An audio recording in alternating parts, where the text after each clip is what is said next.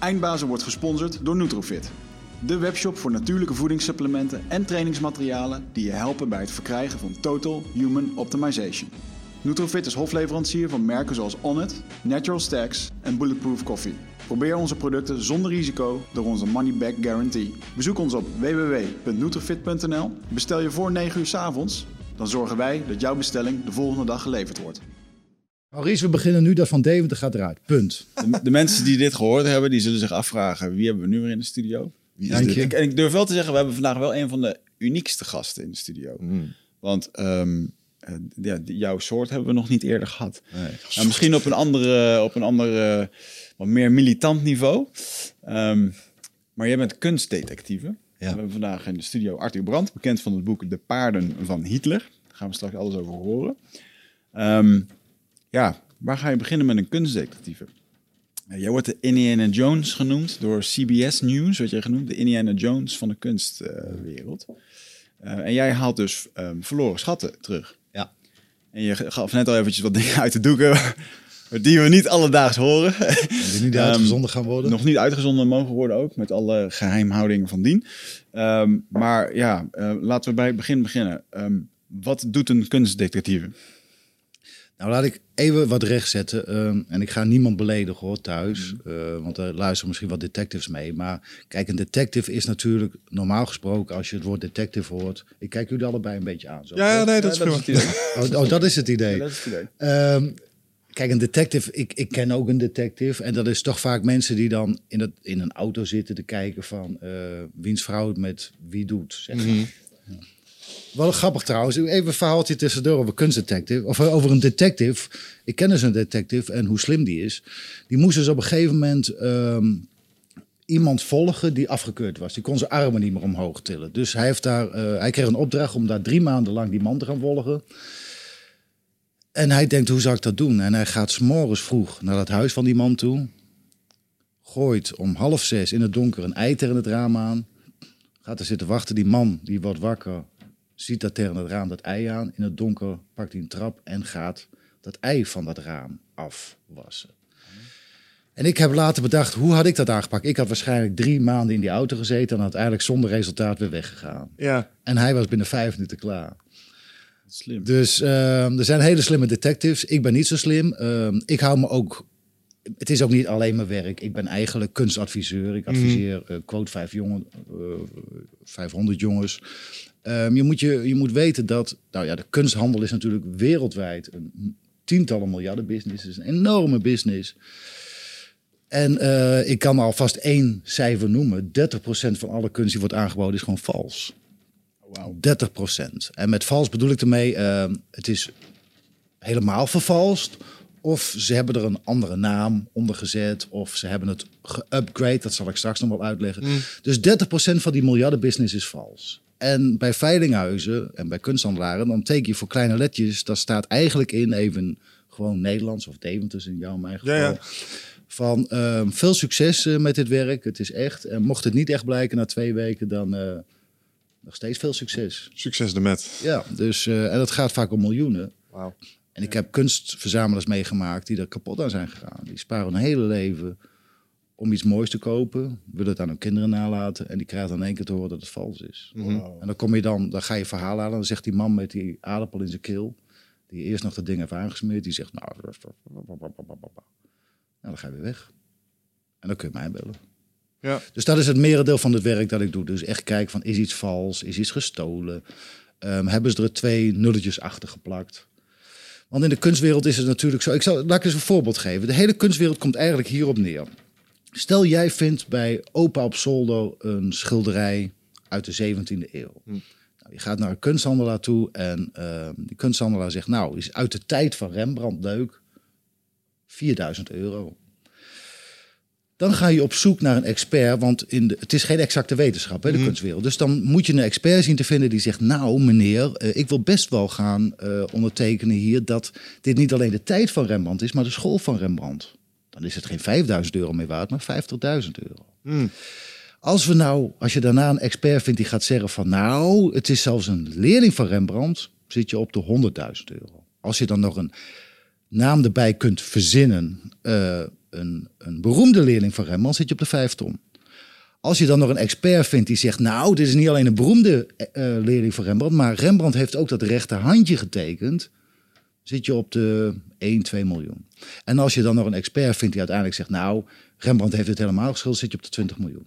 Dat upgraden, daar gaat dus de hele kunsthandel om. Dus van 5000 naar die 20 miljoen. Daar zijn ze allemaal mee bezig. Sommigen lukt het.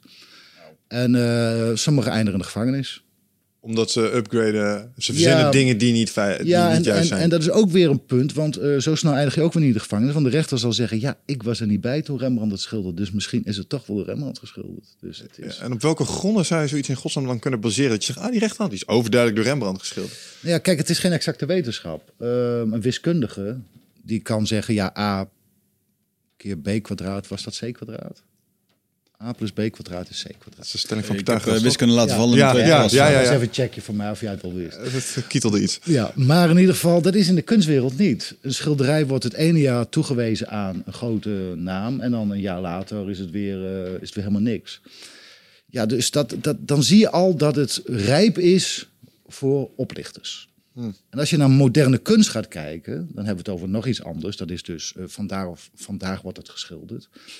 En dat is voornamelijk lucht, want die jongens moeten, of die meisjes, er zijn natuurlijk ook meisjes bij, die worden dan geüpt, ehm, omhoog ge- gewerkt. Dus wat er dan gebeurt is, ik ben een onbekende moderne kunstenaar en jij ziet mij wel zitten. Jij koopt mijn werk en je biedt het aan op een veiling in Duitsland.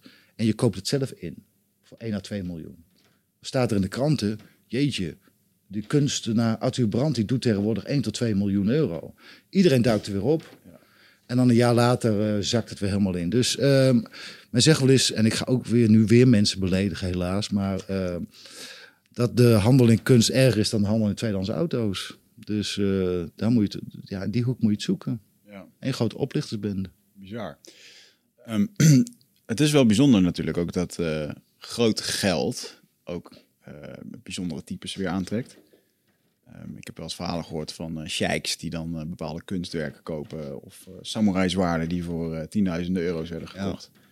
Ehm, maar, maar op een gegeven moment, ehm, als, als we mogen kijken naar een percentage in je werk. Je kijkt naar kunst of dat het echt is en je spoort het ook op. Ja. Hoe, hoe groot is die verhouding? Wat is het? eh, Ja, ik denk dat 70% van mijn werk bestaat toch wel uit de quote 500 jongens. Maar ook gewone verzamelaars hè, die een stuk hebben gekocht voor 10.000 euro. En ik help dan Joodse families eh, om kunst die van hen geroofd is in de Tweede Wereldoorlog op te sporen. Dan geef ik nog lezingen, ik schrijf boeken, documentaires. Dat is 70% van mijn werk. En de zaken die internationaal, ja, internationaal de, de pers halen, de grote zaken, ehm, het is 30% ongeveer. En dat is ook het meest verliesgevende deel. ja. Je krijgt er nooit een cent voor. Nee. Er is, eh, dat is eh, word je rijk voor jouw beroep? Want jij kan, jij kan bij wijze van spreken. eh, Ja, nou, volgens mij, als iemand eh, een- miskoop doet, zonder Ja. jouw kennis, kan het hem tonnen kosten. Terwijl Nou, het ik- jou 10.000 euro zou geven. Ik weet niet wat je uurtarief is, maar... ik, ik kan je vertellen van, eh, we hadden dan wel eens op maandagmorgen, dan deed de collega en ik, dat deden we kop of munt, wie dan een klant ging bellen om te zeggen dat die Picasso vals was. Oh ja. Want ja, dan gaat het soms om anderhalf, twee miljoen. En dat zijn natuurlijk niet de leukste gesprekjes om iemand te bellen. Nee. Maar eh, nee, kijk, ik kan morgen heel rijk worden als ik één stap naar de andere kant doe. Oh ja. Maar één, ik hoef maar één stapje naar de andere kant te doen en ik zit in de miljoenenbusiness van de illegale kunsthandel. Ik ken ze ook allemaal. Alleen, ehm, dan word ik opgepakt. Ja. Ehm, dan is mijn reputatie weg en zo zit mijn karakter ook niet in elkaar. Dat is een goede move voor je pensioen. Ja, ik zit er wel over te denken, als ik richting mijn pensioen ga, dan... eh, One misschien final Er moet, ja, er moet nog één, één grote Eén, klapper moet je maken. ja, Nee, ja. ik kan het Ook niet, voor je kinderen. En voor Ik ons. kan het niet maken, want eh, kijk, het punt is, ik werk met twee kanten samen. Ik werk met de politie samen. Dan moet ik me natuurlijk aan de wet houden. Ja. Eh, ze hebben heel veel vertrouwen in mij. Ze hebben ook in mijn documentaire hebben ze gezeten. Mijn documentaire serie afgelopen zomer, de kunstdetective bij Omroep Max. Ik geef wel eens lezingen bij de politie. En aan de andere kant heb je natuurlijk de onderwereld, eh, waar ik me ook aan de wet moet houden natuurlijk, sowieso. Maar ook mijn woord moet houden. Dus eh, ik loop op een heel dun koordje. Eén stap naar links en je bent de sigaar. Eén stap naar rechts en je bent ook de sigaar. Begrijp ik het goed dat als ik een crimineel ben en ik heb een eh, fantastische, ik heb een Picasso schilderij. Mhm. En, dus ik denk dat ik er een heb. Ik ben een crimineel. Ik weet dat dit, ehm, eh, of tenminste, ik maakt niet even uit hoe dat ik het heb gekregen, maar ik kom bij jou.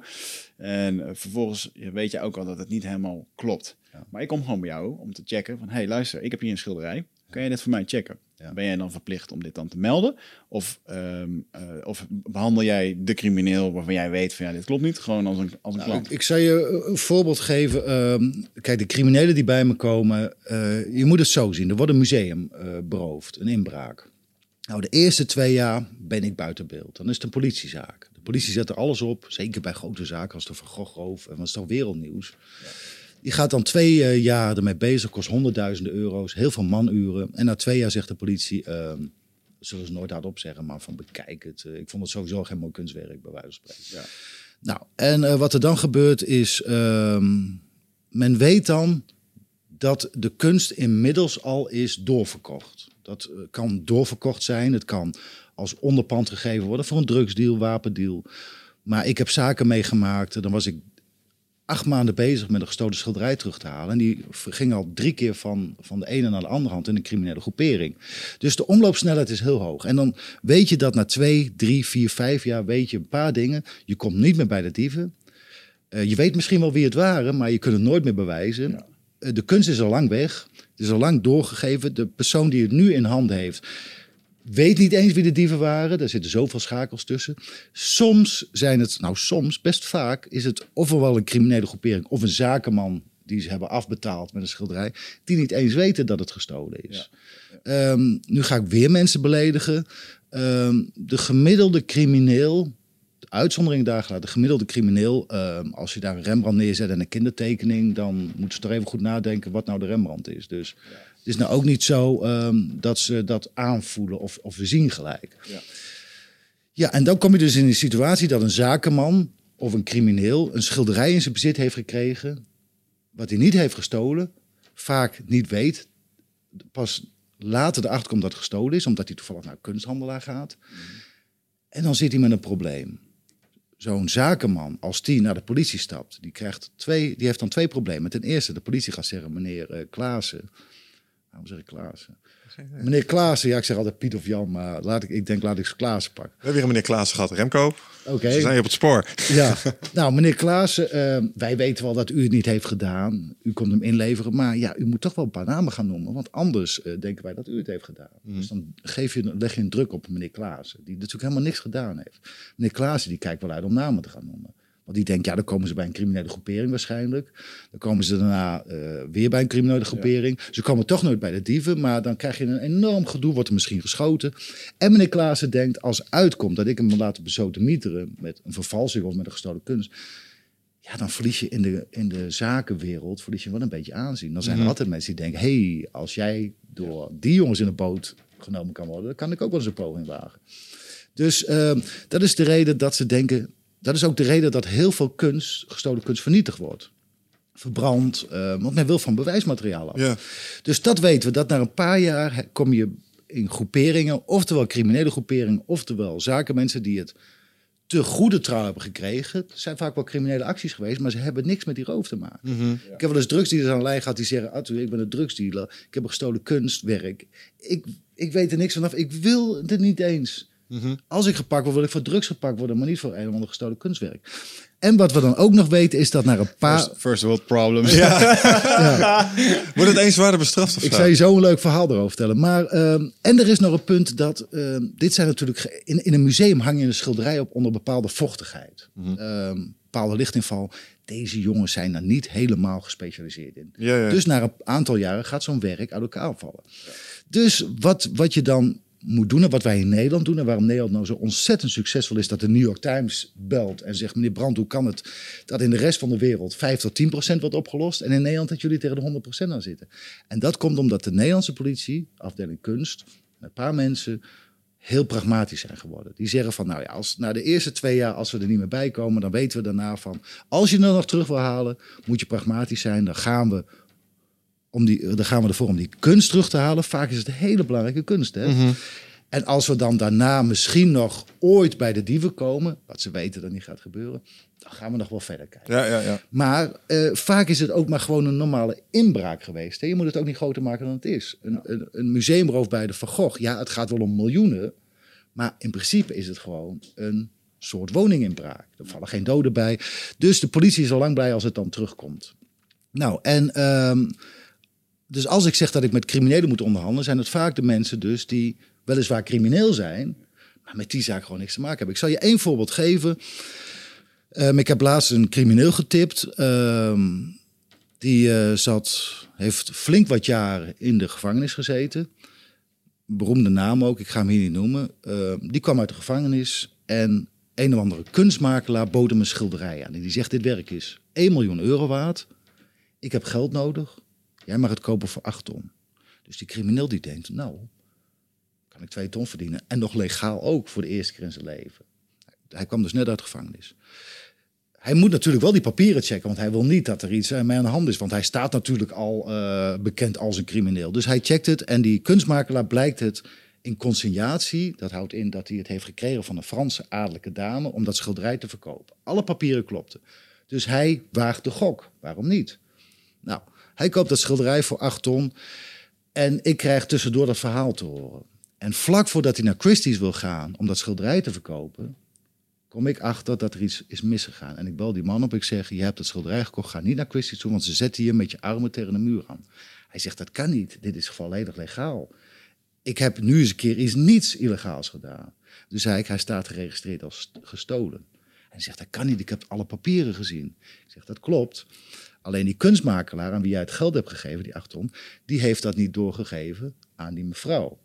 En daarom heeft hij, die is ermee vandoor gegaan. Ah, oh. En daarom heeft die mevrouw het opgegeven als gestolen. Kun jij niks aan doen, maar als jij quizjes binnenkomt lopen, je staat wel met een arrestatieteam weer tegen de muren. En dat zijn dus gevallen dat criminelen doen ook niet de hele dag alleen maar criminele dingen. Nee. En als een crimineel, uh, als ik het dus heb over criminelen, zijn het vaak mensen die wel crimineel zijn, maar toevallig met die, met die zaken die ik aan het oplossen ben, niks te maken heb, hmm. hebben. Die hebben het soms in een bezit gekregen. Ja, en wat je dan gaat proberen is dan een win-win situatie voor iedereen te creëren. De kunsthalzaak kennen we allemaal nog. Die Roemeense jongens die uh, uh, in de kunsthal hebben ingebroken. Die zijn toen uh, naar Roemenië gegaan. Ze zijn opgepakt. Mama heeft alles verbrand. De Picasso, alle beroemde oh, werken. Ja, en dan kun je wel zeggen operatie geslaagd, maar dan is de patiënt wel overleden. Mm. Dus um, ja, het gaat om hele belangrijke kunst. En soms moet je pragmatisch zijn. En dan gaat het erom uh, om die werken terug te brengen. Ja. Wat was de vraag ook alweer? Nou, het, het, ik heb een, naar aanleiding van wat je zojuist allemaal verteld, heb ik een aantal vragen gekregen. Dus uh, misschien dat we daar iets over kunnen uh, roepen. Het eerste wat me opvalt is dat um, kunst wordt ingezet als currency in de onderwereld. Dus ik hoorde je helemaal aan het begin zeggen van, joh, ze zetten het in als een onder... Waarom kunst op die manier? Waarom niet iets anders? Um, kijk, kunst wordt nou eenmaal geroofd. Ja. Veel ook. Um, al is het alleen maar omdat een stel, um, ga ik weer mensen beledigen, Oost-Europeanen uh, je huis leegroven Aha. en uh, daar kunst aantreffen. Dus kunst, uh, er is, wordt behoorlijk wat kunst gestolen, heel veel zelfs wereldwijd. Ja, en ze komen er al snel achter, je kunt er niet mee naar een veilinghuis. Sommige domme criminelen hebben het wel eens geprobeerd, maar die komen er snel achter dat het allemaal genoteerd staat. Maar ja, je hebt soms wel een Picasso in je bezit van 30 miljoen euro. Ja. Um, en er zijn altijd wel criminelen. Kijk, het gaat eigenlijk zo. De ene criminele groepering zegt tegen de andere criminele groepering: Moet je eens luisteren, meneer. Uh, je krijgt van ons 3 miljoen. We hebben helaas maar 2 miljoen. Maar we hebben hier een Picasso van oma. Of van, uh, dit is van een Picasso van een vriend van ons, die gaat scheiden. Maar zijn vrouw mag niet weten dat hij een Picasso heeft. Die is 5 miljoen waard. Dus we geven jou 2 miljoen. We zijn nog 1 miljoen schuldig. Die komen we volgende week brengen. Maar die 5 miljoen Picasso mogen jullie zo lang houden. Maar ga hem niet verkopen, want, we, uh, want dan zijn jullie dan uh, van ons. Dus die jongens denken helemaal oké, niks aan de hand. Maar die jongens komen natuurlijk niet terug met die, met die miljoen. Mm En dan gaan ze eens een keer googlen. En dan komen ze daar, als ze geluk hebben, erachter van... Oh shit, dit is een gestolen werk. Ja. Dus zo kom je dus in het bezit van zo'n gestolen werk. Nou, um, wat er dan is bij de volgende criminele groepering, dan zeggen ze ja, we komen twee ton uh, tekort, maar we hebben wel een Picasso-leer van 30 miljoen. Zouden jullie dat aan willen nemen? En het is een soort, dan zeggen ze nou liever niet, maar als het niet anders kan, doe dan maar die Picasso. Want misschien zit er wel een beloning op. Um, heel veel gestolen kunst jongens die gestolen kunst stelen. Dat is bijvoorbeeld met de, de Van Gogh overgegaan. In 2002 is het Van Gogh Museum uh, leeggeroofd. De Octave Durham, ik noem zijn naam, want hij is bekend. Hij heeft er ook zijn boek over geschreven. En Octave heeft het gestolen om het te kunnen verkopen aan Cor van Hout. Cor van Hout werd een dag daarvoor geliquideerd, dus dat is niet doorgegaan. Uiteindelijk heeft hij dan een maffiabaas verkocht. Want figuren als de maffia, de IRA, de Irish Republican Army, en uh, grote drugsdealers, die vinden het wel cool om gestolen kunst in hun bezit te hebben. Niet zozeer om te laten zien aan hun vrienden wat ik heb, maar als um, een soort afpersingsmiddel. Het is een paar keer gebeurd, ook in Nederland. Kees Houtman is een beroemde naam, die is uh, vermoord, een drugsdealer. Drugsdealers willen wel eens, als ze opgepakt worden, een deal sluiten. Dan zeggen ze, uh, we hebben twee Picasso's, of uh, twee Van Goghs, werelderfgoed. Als jullie ons nou twee aan minder geven, oh, dan krijgen ze terug. Nou, dat is dus precies gebeurd met die Van Gogh-zaak. Octaaf Durham is gepakt die mafioos, uh, die heeft die dingen gehad. Maar uiteindelijk kwam hij ook in de problemen. En heeft hij ze ingeleverd voor twee jaar strafvermindering. Dus um, ja, kunst speelt wel een rol in de criminele wereld. Je kunt proberen de verzekering terug te krijgen. Je kunt het als, als betalingsmiddel gebruiken, een deel van de betaling. Um, sommigen proberen er een beloning voor te krijgen. En andere grote jongens willen wel zo'n gestolen kunstwerk hebben van mochten ze ooit gepakt worden. Verlaten gevangenis zonder te betalen. Nou, de IRA heeft ooit een, eh, een, flinke roof gedaan. En dat de bedoeling was uh, om die werken terug te geven. In ruil dat de, de IRA-leden in de gevangenis terug mochten naar Ierland. Zodat hun families in ieder geval kon bezoeken in de gevangenis daar. Het is gewoon leverage. Ja, in Italië, ik heb er een keer over onderhandeld. In Italië bij mafiosi, die willen wel eens wat teruggeven voor een paar meer belminuten in de gevangenis. Want voor jou en mij een paar extra belminuten stelt niks voor. Maar als je in de gevangenis zit en je hebt de hele dag niks anders te doen dan tien minuten bellen. Als je dat kan verdubbelen, ja, dat is natuurlijk wel heel wat. Wow, wow. Je zegt net, uh, want die dingen zijn geregistreerd. Is er een soort database voor kunst boven een bepaald bedrag of voor oude nou, stukken? Of, want ik vraag me dan af, hoe, hoe weet ik, stel dat ik een Joodse familie had waar die allemaal uh, waar verschrikkelijke dingen mee zijn gebeurd in Auschwitz. Hoe weet ik dat mijn over-overgrootoma een Picasso achter op de zolder had hangen? Uh, ja, nou, dat is, dat is dus moeilijk. Uh, dat, dat werk doe ik dus ook. Maar uh, het is inderdaad moeilijk. Je kunt dus werk kopen dat gestolen is zonder dat je het weet. Want er is een database van Interpol. Mm -hmm. Mag je eigenlijk niet in, de meeste mensen. Moet je toestemming voor krijgen. Ik heb daar toestemming voor. Maar als ik wat zoek daar, dan vraag ik de Nederlandse politie om erin te zoeken. Want ik kom er niet uit. Het werkt niet. Uh, het is, het is gewoon. Ik heb ze laatst nog op Twitter gezegd van jongens, uh, fix die database eens een keer. Hoeveel geld krijgen jullie per jaar? Dus uh, voor zeg maar de leek is het niet te doen. Ja. Is het gewoon uh, kansloos. Ja. Want er is niet. Uh, um, want ik la laatst zag ik een keertje een serie over een veilingshuis. Volgens mij Christie's dan in Londen zit dat, hè? Mm -hmm. Waar wat stukken werden uh, verkocht en dan gingen ze ook kijken of dat iets echt was, ja of nee. En, uh, en sommige al in een redelijk vroeg stadium begon men met jaarnoteringen, ja. handtekeningen, serienummers. Dus allemaal wel. Ergens zit er wel een soort van administratie per kunstenaar bij. Jawel, maar kijk, heel veel kunstenaars, je moet niet vergeten, er zijn een heleboel kunstenaars die worden pas op latere leeftijd bekend. Ja. Dus die hebben nooit bijgehouden wat ze gedaan hebben. Ja, ja. Um, een voorbeeld, uh, Karel Appel, beroemde Nederlandse schilder, die had een vervalser achter zich aanlopen de hele dag. Uh, uh, Geert-Jan Jansen, Nederlandse vervalser, die maakte zijn werk na. En af en toe kwam er tot een discussie tussen Karel Appel en Geert-Jan Jansen, want Karel Appel zei, dit werk heb ik geschilderd ik ken toch mijn eigen werk wel? En zeg Geert-Jan nee, dat is een vervalsing van mij. En dan kregen ze dan bijna slaande ruzie over. Totdat Geert-Jan Jansen een foto liet zien dat hij dat schilderij had geverfd. Zoveel, uh, er, is, er is zo weinig... De meeste kunstenaars zijn natuurlijk een beetje chaoten. Ja. Uh, ik weet niet of je wel eens een atelier van binnen hebt gezien, maar uh, ja. dat is nou niet dat je denkt, god, dit is allemaal lekker. Uh... Nou, ik ken wel mijn eigen creatieve brein, dus ik heb wel een idee. Ja. Nou ja, precies. Het is volledig chaotisch. Dus die mensen weten niet wat ze, wat ze allemaal maken. Dat wordt niet bijgehouden. Mm. Um, daar komt ook nog eens bij, juist omdat het niet bijgehouden wordt, hebben vervalsers natuurlijk heel veel kans. Ja. Ik heb ooit een vervalsing, of nou, ik weet van een vervalsing van Max Ernst, een beroemde schilder. Die had ooit een werk gemaakt, nummer 1.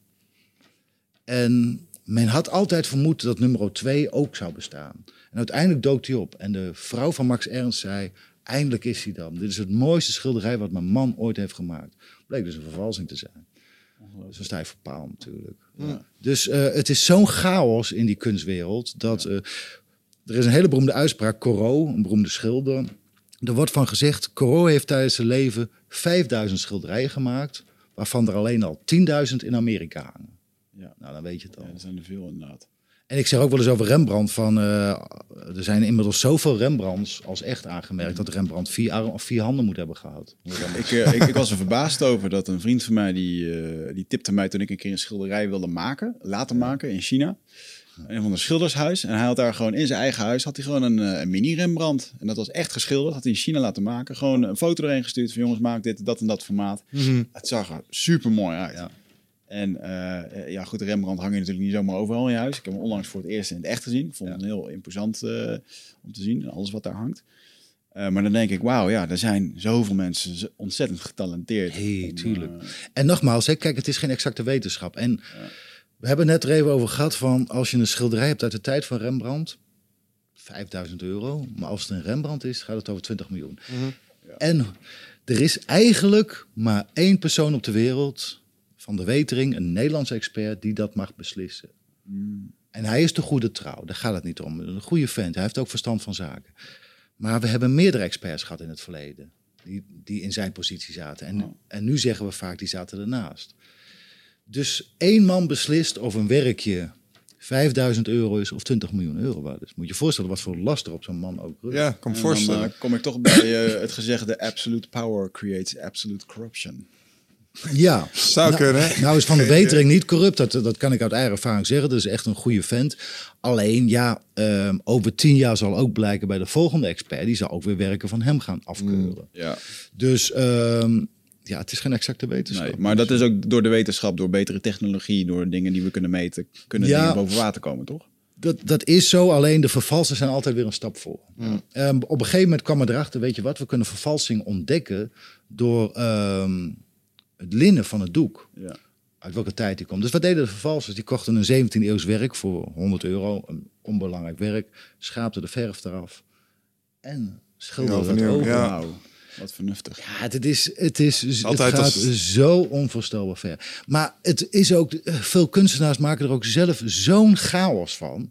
Wat ik je net al een paar voorbeelden gaf, maar Dali bijvoorbeeld. Ehm, op het eind van zijn leven, nou ja, nog niet eens op het eind van zijn leven, al, al vrij eh, vroeg, kwamen er kunsthandelaren bij hem met witte papieren. En die zeiden, als jij nou hier je handtekening onder zet, dan krijg je 1000 euro per wit vel. Dus Dali, eh, die deed eraan mee. Dus. Dat vind ik dus interessant, hè? want eh, daar, daar heb ik een vraag over. Want het gaat hier om grote bedragen met daarom worden mensen heel creatief. Daarom komt de onderwereld erop af. En wat ik me nog wel eens afvraag... We hebben allemaal wel eens voor een schilderij gestaan... en dat je afvroeg, waarom is dit een miljoen waard? Ja. Ehm, en, en ik snap dat als je kijkt naar Rembrandt... die echt eh, eh, innovatief was in, in de manier waarop er geschilderd werd... En, en techniek en zo, en dat er een bepaalde schaarste is... en je hebt maar honderd van die schilderijen... en dat drijft de waarde omhoog, zeker als hij bekend is geworden... I get it. Maar zo'n Dali werd dus al in zijn eigen tijd gespot als iemand die veel waard was, blijkbaar. Ja. Hoe komt die waarde tot stand voor op Nou, een dat kunstenaar? dat is natuurlijk heel moeilijk. Dat is eh, moeilijk te verklaren. Kijk, je moet het zo zien.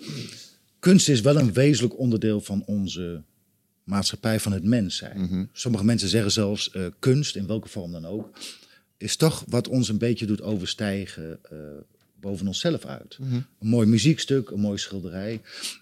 Sommige schilders, laten we het even beperken tot schilders. Sommige schilders die hebben zo'n manier gevonden om anders naar de werkelijkheid te kijken. Ja, dat dat de wereld heeft veranderd. Sommige schilders hebben zo'n invloed gehad op, op, wat, op de mode, wat je aan hebt, op, op architectuur, op de vormen van lampen, op, over, op literatuur. Dat is zo'n impact geweest. De, de Rembrandt, eh, de tijd dat Rembrandt zo schilderde, was natuurlijk omdat er geen foto's waren. Je moest zo realistisch mogelijk schilderen. Op een gegeven moment wordt in de 19e eeuw de fotografie uitgevonden. Dus sommige mensen denken, ja, we moeten wat anders. En wat gaan ze dan doen? Impressionisten, et cetera. Die gaan dan een sfeerbeeld geven. Niet, niet zozeer dat je het precies eh, weergeeft, maar je geeft de sfeer weer. Bijvoorbeeld de sterrennacht van, van eh, Vincent van Gogh. Dan zie je die sterren en je ziet, zo ziet het er niet echt uit, maar hij geeft het die sfeer weer. En Voelt hem direct, ja. en daar kun je zo door geraakt worden. En dat heeft zoveel invloed gehad op andere onderdelen. Ehm, de architectuur, wat toch een van de meest zichtbare vormen is, dat is enorm beïnvloed door eh, bepaalde kunstenaars, dus bepaalde schilders. Ja, en als jij de eerste bent die zoiets doet, ja, dan willen mensen dat hebben. Dus her- mensen spotten eigenlijk intuïtief wel de uniekheid van, van zo'n volgende stap. Dus, Dus- toen mensen Picasso voor de eerste keer zagen, ze ah, I see what Nee, you did. dat is dus de grap. Nee, Picasso die, eh, die kwam om zijn eigen vuil eh, toen hij in Parijs woonde. En de grap was, eh, dat is eigenlijk ook wat de terugheid van de Tweede Wereldoorlog. Hè? De, de meeste handelaren die eronder hebben geleden zijn de Joodse verzamelaars en handelaren geweest. En het zijn nu juist grotendeels de Joodse verzamelaars geweest die een paar van de grootste mannen en vrouwen uit de 20e eeuw hebben geholpen om kunstenaar te worden. Picasso had zonder een, een rijke Joodse eh, klant die zei: Ik geloof in jou. Niemand gelooft in jou. Ik vind het zo mooi wat je maakt. Ik koop het. En daardoor kon Picasso in leven blijven. Natuurlijk hebben ze daarna heel veel geld er ook aan verdiend, maar het was wel een gok. En ehm, er zijn verzamelaars geweest. De meeste kunstenaars werden in het begin van hun, van hun leven, of tijdens hun hele leven, zoals Van Gogh, gewoon afgedaan als halve gekken.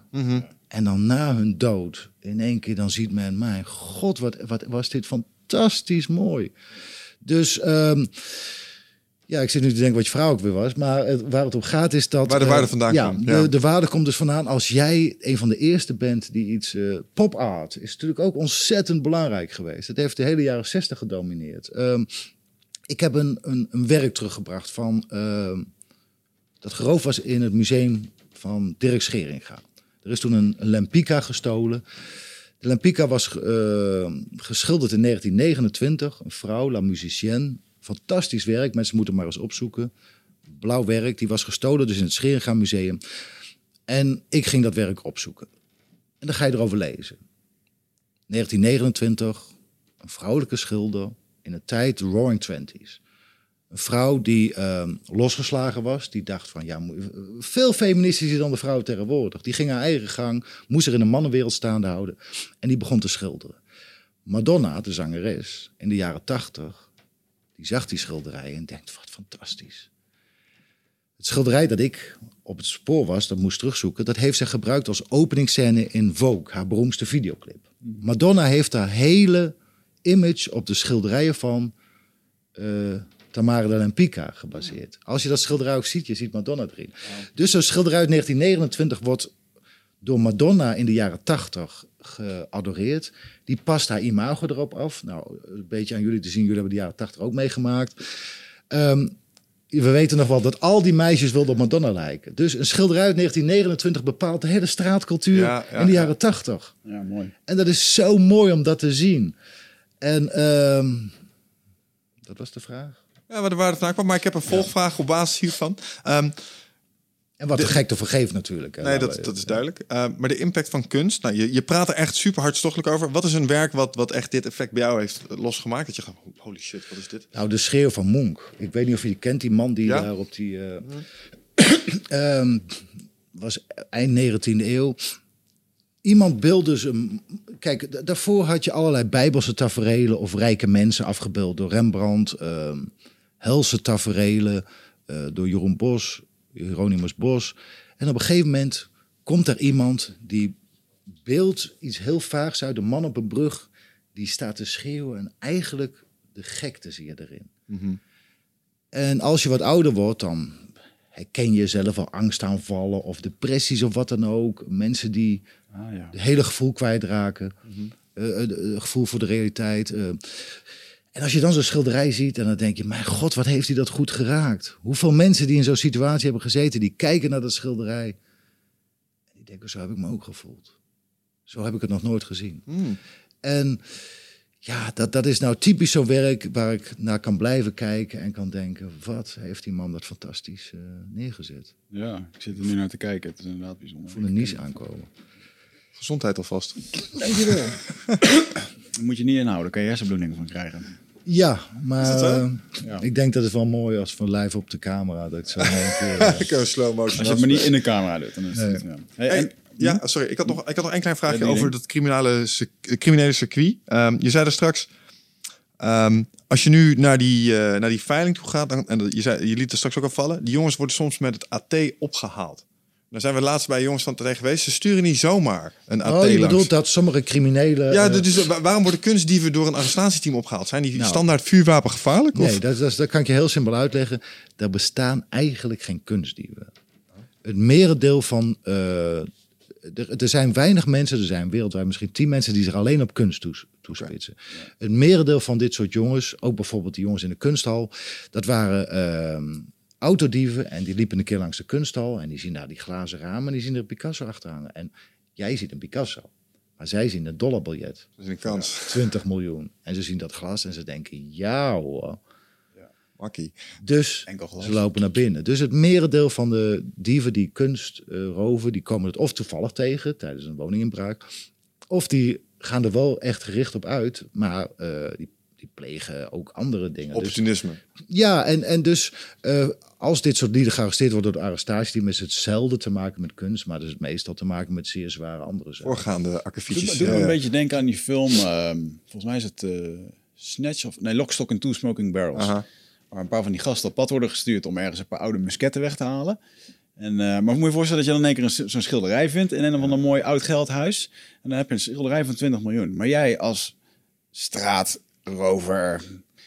Dan moet je in één keer, je moet wel naar een soort mafioso gaan Nou. om dan zo'n schilderij aan te gaan bieden. En dan sta je dan met je, met je schroevendraaier Ja. eh, als meneer de crimineel die dan... eh, Het is nog veel leuker. is nog best wel imposant om dan ook dat even aan te bieden. Er was eh, de eerste James Bond. Welke was dat, heren? Dr. No? Goed zo, 1962. Net rond die tijd ehm, is er een Goya gestolen uit de National Gallery in Londen. Beroemde kunstroof. En ze waren de eerste James Bond aan het maken. Eh, op een gegeven moment komt eh, James Bond op het eiland van Dr. No. Die loopt het huis binnen van die miljardair. En het leek de maker van die serie wel leuk om daar een kopie te hangen van eh, die Goya die gestolen Oh. was, zoals, alsof dat de echte was. Dus James Bond die loopt die trap op en die zegt dan nog, oh hier staat die Goya dus. Ah. Heel veel kunstdieven die zijn gaan denken van, we moeten kunst gaan stelen en die verkopen we aan een soort Dr. No. De grap is, ook tegenwoordig nog, eh, waarschijnlijk die jongens ook eh, van de kunsthal, die zitten dus s'avonds uh, op de banken, die hebben de hele dag autoradio's gejat. Of dat het bestaat niet meer, auto. Dat, ja, Nee, de navigatiesystemen. Navigatiesystemen. En eh, die zitten dan met een biertje op de bank met een paar borrelnootjes en die zien die film. En ze kijken elkaar aan en ze denken, jeetje man, eh, je kunt toch beter één werk jatten van 40 miljoen. Dan kun je naar Copacabana Beach en eh, iedereen zoekt het maar uit. Alleen, er bestaat geen Dr. No. Want waarom zou je een gestolen kunstwerk kopen om aan de muur te hangen als je er alleen maar zelf van kan genieten? We weten allemaal, als je een leuke film ziet of iets moois hebt gekocht, je wil het toch delen met anderen. Dat is een deel van, van het geluk wat je ervan krijgt. En als je geld genoeg hebt, waarom zou je risico lopen met een gestolen kunstwerk? Dus er bestaat geen Dr. No. Alleen, de politie weet dat de heren, dieven, denken dat er een Dr. No is. Dus uiteindelijk komen die dieven in contact met een persoon. Die heeft dan altijd een hele grote hoed, hoed op, een Rolex om, nep Rolex. En dat moet dan Dr. No zijn, een soort Dr. No, maar dat is dan altijd een rechercheur. En dan, eh, dus eh, de politie weet hoe zij denken, en dus ze passen zich aan aan de film. Ja, ja, ja. Ah, wat grappig. En eh, zo worden die jongens eh, gepakt. Je, je zegt net eh, eh, verzamelaars, dus mensen die kunst verzamelen, die doen dat eh, niet alleen voor zichzelf, maar ook om het, eh, te- het, het genot ervan te delen. Hoeveel daarvan is ook prestige? Ik kan een leuk verhaal vertellen. Prins Charles. Hm. Ehm, ik denk eh 20, 25, 30 jaar geleden. Ehm, toen dacht zijn moeder nog van, die gaat een keer koning worden. Toen hadden ze kennelijk nog vertrouwen in, in Prins Charles. Dus mama zei tegen Prins, jij gaat je met kunst bezighouden, want kunst is prestige. Als je, ehm, dat vertel ik wel eens bij de Rotary, hè? Dan, ik geef wel eens lezingen, dan zeg ik, wie heeft de kunst hier? En dan gaan er een paar vingers op. Ik zeg, nou, er zijn landen dat, waar als je geen kunst aan de muur hebt, ben je eigenlijk toch een plebeer. In sommige kling- kringen. In de adellijke kringen in Engeland, eh, ook al ben je miljardair, als ze zien dat jij geen smaak hebt, dan hangt geen kunst aan de muur. Tel je gewoon niet mee. Schrikkelijk. Dus ehm, Charles werd gezegd van, eh, door mama van jij gaat je inwerken in de kunstwereld. Je moet er wat van weten. Dus hij werd gekoppeld aan Oliver Hoare. Beroemde kunsthandelaar. Oliver Hoare die, eh, ging later nog, eh, werd later de minnaar van prinses Diana. Eh, die dacht, laat ik gelijk even die mooie vriendin van hem afpakken. Maar ehm, Oliver Hoare heeft toen ook prins Charles meegenomen naar zijn winkel. Voor hem was het ook prestige natuurlijk, prins Charles, onder mijn hoede. En eh, hij had er een allemaal Chinese vaas of zoiets staan. En er stond er heel groot bord, niet aanraken. Nou, eh, prins Charles ziet dat, maar Oliver Hoare zegt... Meneer Charles, prins Charles, u mag dat natuurlijk wel aanraken. Dus prins Charles die bekijkt dat allemaal. Twee dagen later wordt de winkel beroofd, een inbraak. En de verzekering vertrouwde het niet. Want die wil niet uitbetalen. Die zegt, ja, volgens ons is de inside job. En hij zegt, nou, eh, check het maar. Er stonden nog twee fasen. Uiteindelijk gaan ze die fase natuurlijk checken op vingerafdrukken. En wie vingerafdrukken komen ze tegen? Prins Charles. Politie wist natuurlijk heus wel dat Prins Charles die dingen niet had gestolen. Nee. Maar om in, straks in een rechtszaak een eventuele verdachte te gaan laten roepen... ja, uh, mijn eh, vingerafdrukken staan misschien wel op, maar ook van de Prins Charles. Waarom hebben wij het dan niet gedaan? Dat schandaal wilden ze voorkomen, dus is dat onderzoek toen stilgelegd. Dat heeft Oliver Horn natuurlijk allemaal van tevoren bedacht. En dat is nog steeds een running gag in, in de illegale kunsthandel in Engeland. Dus, uh, maar hij wist dat de politie niet zou gaan, dus hij heeft dat ding gewoon zelf achterover gedrukt. Ja, dus de verzekering moest uitbetalen. Waarschijnlijk heeft de verzekering moest uitbetalen omdat de vingerafdrukken van Prins Charles erop zaten. Ja. En dat wilden ze niet in een onderzoek naar boven laten komen natuurlijk. Want ah. zie je het voor je dat een advocaat gaat roepen, ja, en Charles dan, die vingerafdrukken staan erop. Mijn cliënt zijn vingerafdrukken staan er niet eens op. Waarom wordt hij gepakt? En niet die man wiens vingerafdrukken erop staan. Kan dan wel de prins zijn. Ik vind, het toch wel bijzonder, want je zei net ook hier voor de uitzending wat dingen uh, over, over ons koninkrijk. En dan denk ik, ja, hier kan je dat zeggen. Maar in Thailand, als je al een tweetje stuurt dat je de koning een lul vindt, dan hakken ze gewoon je handen. Mm, je gooit ze gewoon in de bak, weet je wel. Nou, de grap in is, Rusland. De grap is natuurlijk, of de grap, het is helemaal niet grappig, maar uh, wij werken natuurlijk ook voor Joodse families en we waren op zoek naar een beroemd servies. En uiteindelijk vinden we die terug op Paleis het Loo, in de collectie van het Koninklijk Huis. En dat ja. is wel een best een wereldwijd schandaal geweest, ja. ja. Dus uh, dat een paar jaar geleden, dus maar, maar, wat, wat, maar, wat, je dan ook zegt, dan gaat het van handel tot handel. En uiteindelijk, een koningshuis heeft het geld. weet ook niet uiteindelijk waar het vandaan komt en het wordt gekocht. Ja, tuurlijk. Dus, Alleen, kijk, zo'n koningshuis zijn natuurlijk wel experts die het hadden moeten zien. Kijk, als een jong uit Deventer, zoals ik het kan, uh, ja. kan ontdekken, met mijn collega destijds, ja, dan ja. kunnen toch de, de zogenaamde echte experts het ook wel ontdekken. Ja, ja, ja. Dus dat, dat, is fascinerend. Uh, ja. Hey, je zei net, uh, die uh, kunstdieven zijn eigenlijk geen kunstdieven. Maar um, zijn er wel eens uh, diefstallen geweest? Uh, ik, ik, zat op je website te lezen en toen werden sommige van de, uh, van de oplichters of dieven toch wel van genialiteit beticht. Ja. Um, jij hebt vast wel een paar leuke casussen gezien waarbij ze toch wel degelijk heel slim en creatief te werk zijn gegaan. Ik zal je een voorbeeld geven, mijn favoriete voorbeeld. Ik geef dat voorbeeld wel eens bij lezingen en dan vraag ik van voor de tijd, dan zeg ik iedereen die na dit verhaal denkt er niet in te zijn gestonken als het hun was overkomen, die moet de hand opsteken. Nou, al die duizenden mensen die ik al heb gezien, er heeft nog nooit iemand de hand opgestoken. Het verhaal gaat als volgt. Een beroemde kunsthandelaar die dacht, als ik nou eens een chakal laat vervalsen, dan pak ik toch 4, 5 miljoen euro. Dus hij geeft een vervalse opdracht om een chakal te vervalsen. Je kunt natuurlijk niet een bekende chakal vervalsen, want die hangen in musea als jij morgen mij de Mona Lisa aanbiedt, dan zeg ja. dat maar die hangt... Uh... Um, hij laat dus die, uh, die vervalsen die Chakal maakt, die, die bestudeert, een bestudeert een beetje Chakal, de kleuren, de thematiek. En er komt best een mooi werk uit.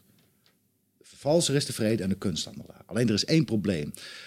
Een topwerk van een kunstenaar, uh, die moet een geschiedenis hebben. Dat noemen ze de provenance. Wie heeft hem vroeger in zijn bezit gehad? Ja. Is hij tentoongesteld? Want vervalsingen hebben dat niet. Mm -hmm. zo kun je vervalsingen eruit pikken. Als er morgen in één keer een onbekende Van Gogh opduikt, dan denkt iedereen, ja, waar is hij geweest? Dus er, zat een, er moest een geschiedenis bij komen. Dus dacht de kunsthandelaar, weet je wat, we gaan naar Chakal toe in Frankrijk. Chakal uh, is al een beetje oud. Misschien herinnert hij zich niet meer wat hij allemaal zelf heeft geschilderd. Enfin, zij naar uh, Chakal toe. Hij laat het werk aan Chakal zien en Chakal die staat erbij en die denkt van, uh, mm, die zit een beetje na te denken. En op een gegeven moment zegt hij, fantastisch werk. Ik wou dat ik hem geschilderd had, maar het is niet van mij. Vernietigt u maar gauw. Natuurlijk, zegt de kunsthandelaar. De kunsthandelaar gaat terug naar Nederland. Chakal overlijdt een paar jaar later. En de kunsthandelaar gaat met het werk naar een Amerikaans museum. En die zegt, ik heb hier een fantastische Chakal. Ze kijken naar die Chakal en zeggen, wat een fantastisch mooi werk. Alleen, wat is de geschiedenis van dit werk? Want er zijn zoveel valse chakals. We kunnen niet zomaar een paar miljoen euro besteden. En toen zegt de kunsthandelaar, nou, als er nou één chakal is die echt is, dan is het deze wel. En hij tilt een foto tevoorschijn. Samen met, het Samen met die dude. En wat zie je op die foto? In het midden staat die chakal. Rechts staat Chakal zelf. En links staat de kunsthandelaar te glimlachen naar de camera. Hij zegt, kijk, hier koop ik hem van Chakal. Op die foto zie je natuurlijk niet dat Chakal zegt dit werk is niet echt. Je ziet ook niet dat de kunsthandelaar het werk heeft meegenomen. Ja, het is het werk. Hij koopt het daar van Chakal. Slim. Hey eindbazenluisteraar, dankjewel dat je zit te luisteren naar deze podcast. Ik onderbreek hem eventjes voor een hele belangrijke boodschap. Of misschien liever gezegd een uitnodiging. Want op 24, 25 en 26 mei dan is er weer een nieuwe editie van Ride of Passage. Dat is mijn retreat voor persoonlijke ontwikkeling. En speciaal voor de mensen die op zoek zijn naar, ja, naar, helderheid. Of dat ze lastig bij hun gevoel kunnen komen. Dat ze moeilijke beslissingen moeten maken. En dat ze zo ontzettend in hun hoofd zitten. Ja, dat ze er eigenlijk gewoon niet meer goed uitkomen. Of dat ze misschien al heel lang in een, ja, een soort van oud gevoel zitten.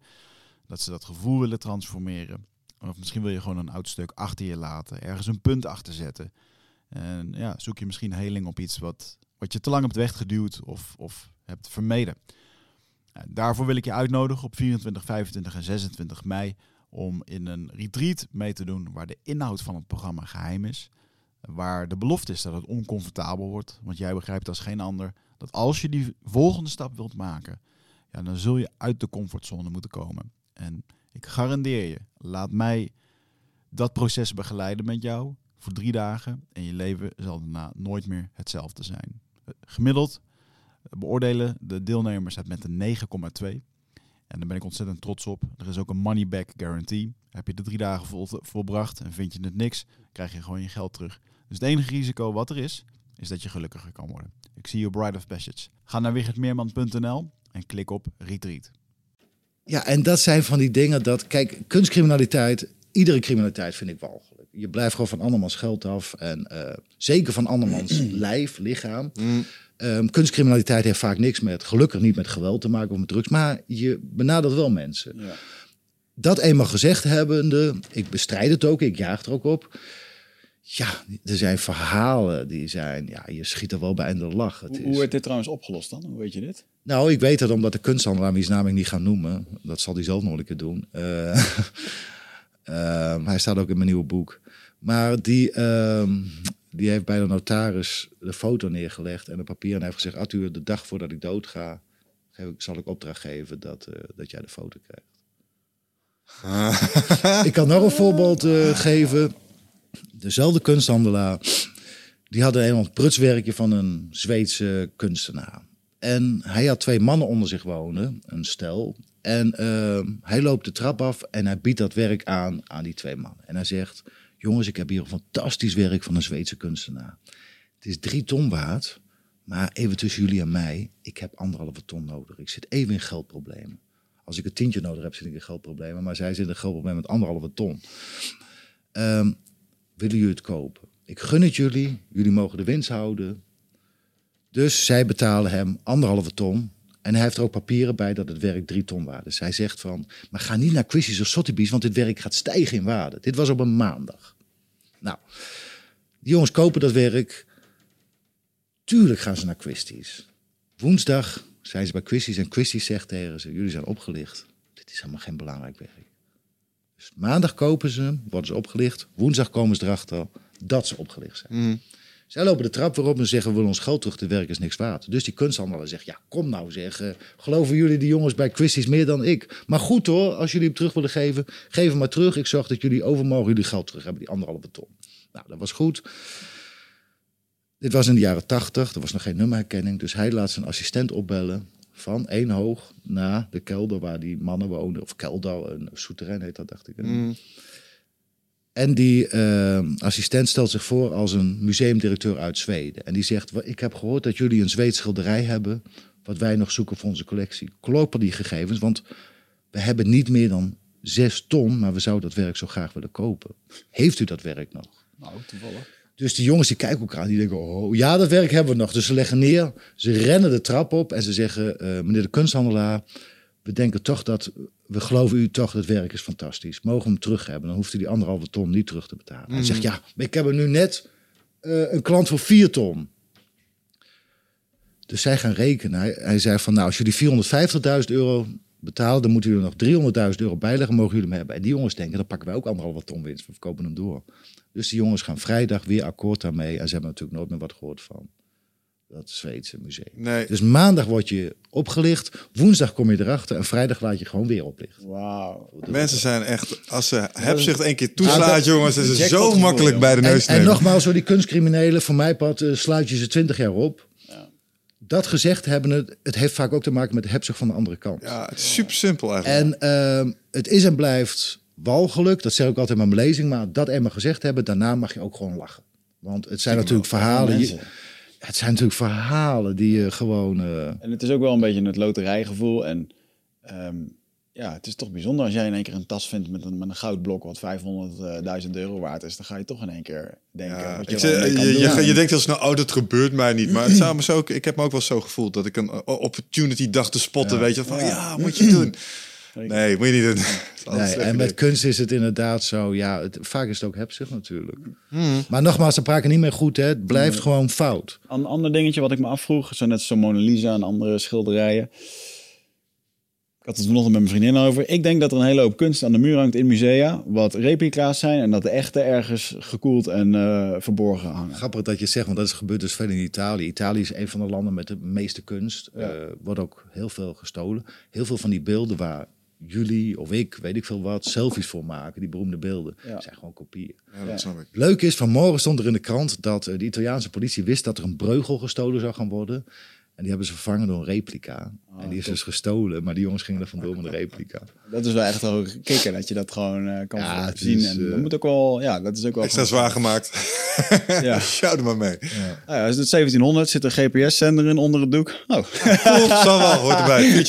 Ja, en de grap is, er zijn zulke krankzinnige verhalen. Michelangelo, toch wel de grootste beeldhouwer uit de geschiedenis. Hij heeft er niet zoveel gemaakt, maar die beelden zijn gewoon onbetaalbaar. Nou, Michelangelo in de renaissance was een jonge vent, maakte de beelden die wij nu zo fantastisch vinden, maar in die tijd vond men er niks. Want men zat in de renaissance, de wedergeboorte. De oudheid was helemaal in. Men keek weer terug naar de Romeinen en de Grieken. Dus datgene wat eh, Michelangelo maakte, daar zei iedereen van, eh, ga toch weg. Wij willen Romeinse, Griekse kunst. Dat van jou is te modern, dat vindt niemand wat. Dat wordt nooit wat. Nou, Michelangelo dacht, weet je wat, dan krijgen jullie toch wat jullie hebben willen. Dus Michelangelo ging Romeinse beelden namaken. Begroef, begaafde... Is begroef of begaafde? goed voor Graven. Bega- Een van die Geen twee. idee. Ja, kijk. Stop dus Hier, onder de grond. Ja, Eh, stopte ze onder de grond. Plaste er nog een jaar overheen. Dan werd het lekker zuur. En na een jaar eh, graafde hij dat weer op. en ehm, verkocht het aan een kunsthandel. Zei, oh, waar heb je dat gevonden? Ja, daar ergens in de tuin. Fantastisch Romeins beeld. Er zijn dus... Ergens op de wereld is er dus één of meerdere mensen... die hebben dus een Romeins beeld staan in de kamer. 10.000 euro waard. Maar die ook nog eens vals is. Want het is geen Romeins beeld. Maar wel vervast door Michelangelo. Het Dus is een dat maakt dan weer mooi. Ja. Van 40 miljoen. Ja. Dus soms in de kunstwereld is een vervalsing nog meer waard dan een origineel. Het is Hmm. Krankzinnig. Wat is dat met dat? eh, dat is ook een mooi verhaal. Dat zag ik toen ook in die serie van dat schilderij wat toen verkocht werd en wat zichzelf. Mm. eh, Banksy, dat in één Banksy, keer ja. eh, door de ging om shredder een ging. Bekende schilder en eh, die had een bepaald schilderij en zodra dat ge- werd geveld voor 1,3 miljoen geloof Ja, ik. zoiets. En dan ter plekke dus... Dat heb dus- ik gezien. Er zat een apparaatje in Ja. en, eh, en dan werd hij voor de helft er doorheen gehaald. Ja. Ja, en dat was weer een kunstwerk op zich, want het is nu weer... eh, ik weet niet aan wie verkocht is, maar het wordt weer nu gepubliceerd. Of Niemand weet ook wie die Banksy dan nog is. hè. Nee. Dat is echt bizar. Weet je wat grappig is? Ik denk dat je eerst reactie mijn, mijn, mijn waardevolle kunststuk. Maar dit gaat het waarschijnlijk nog verdrievoudigen of zo. Ja, na, na drie seconden heb je als echte kenner...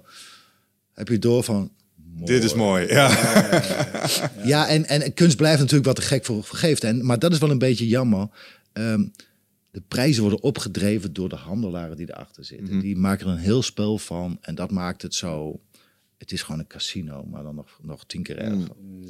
Uh, ander aspect van de kunst, eh, waar ook een stukje criminaliteit eh, aan kleeft, waar ik je ook nog het nodige over wilde vragen, is bijvoorbeeld schatgravers. Ja. Of mensen die tombes leegroven en allerlei schatten weer verkopen. Is, toch, is, toch ook, is niet echt een, een, een individuele, zeg maar, gedupeerde. Nee. Maar het is toch wel weer iets Kijk, je moet het zo zien, de, de illegale kunsthandel, die dus heel erg verweven is met de legale kunsthandel. Want ook de nette kunsthandelaren, ja, die, die krijgen toch klanten die zeggen van, ik wil toch wel een hele mooie Romeinse helm hebben. Ja, Ja. ehm, die, die kunsthandelaar denkt, ja, ik krijg ze wel eens aangeboden van schatgavers.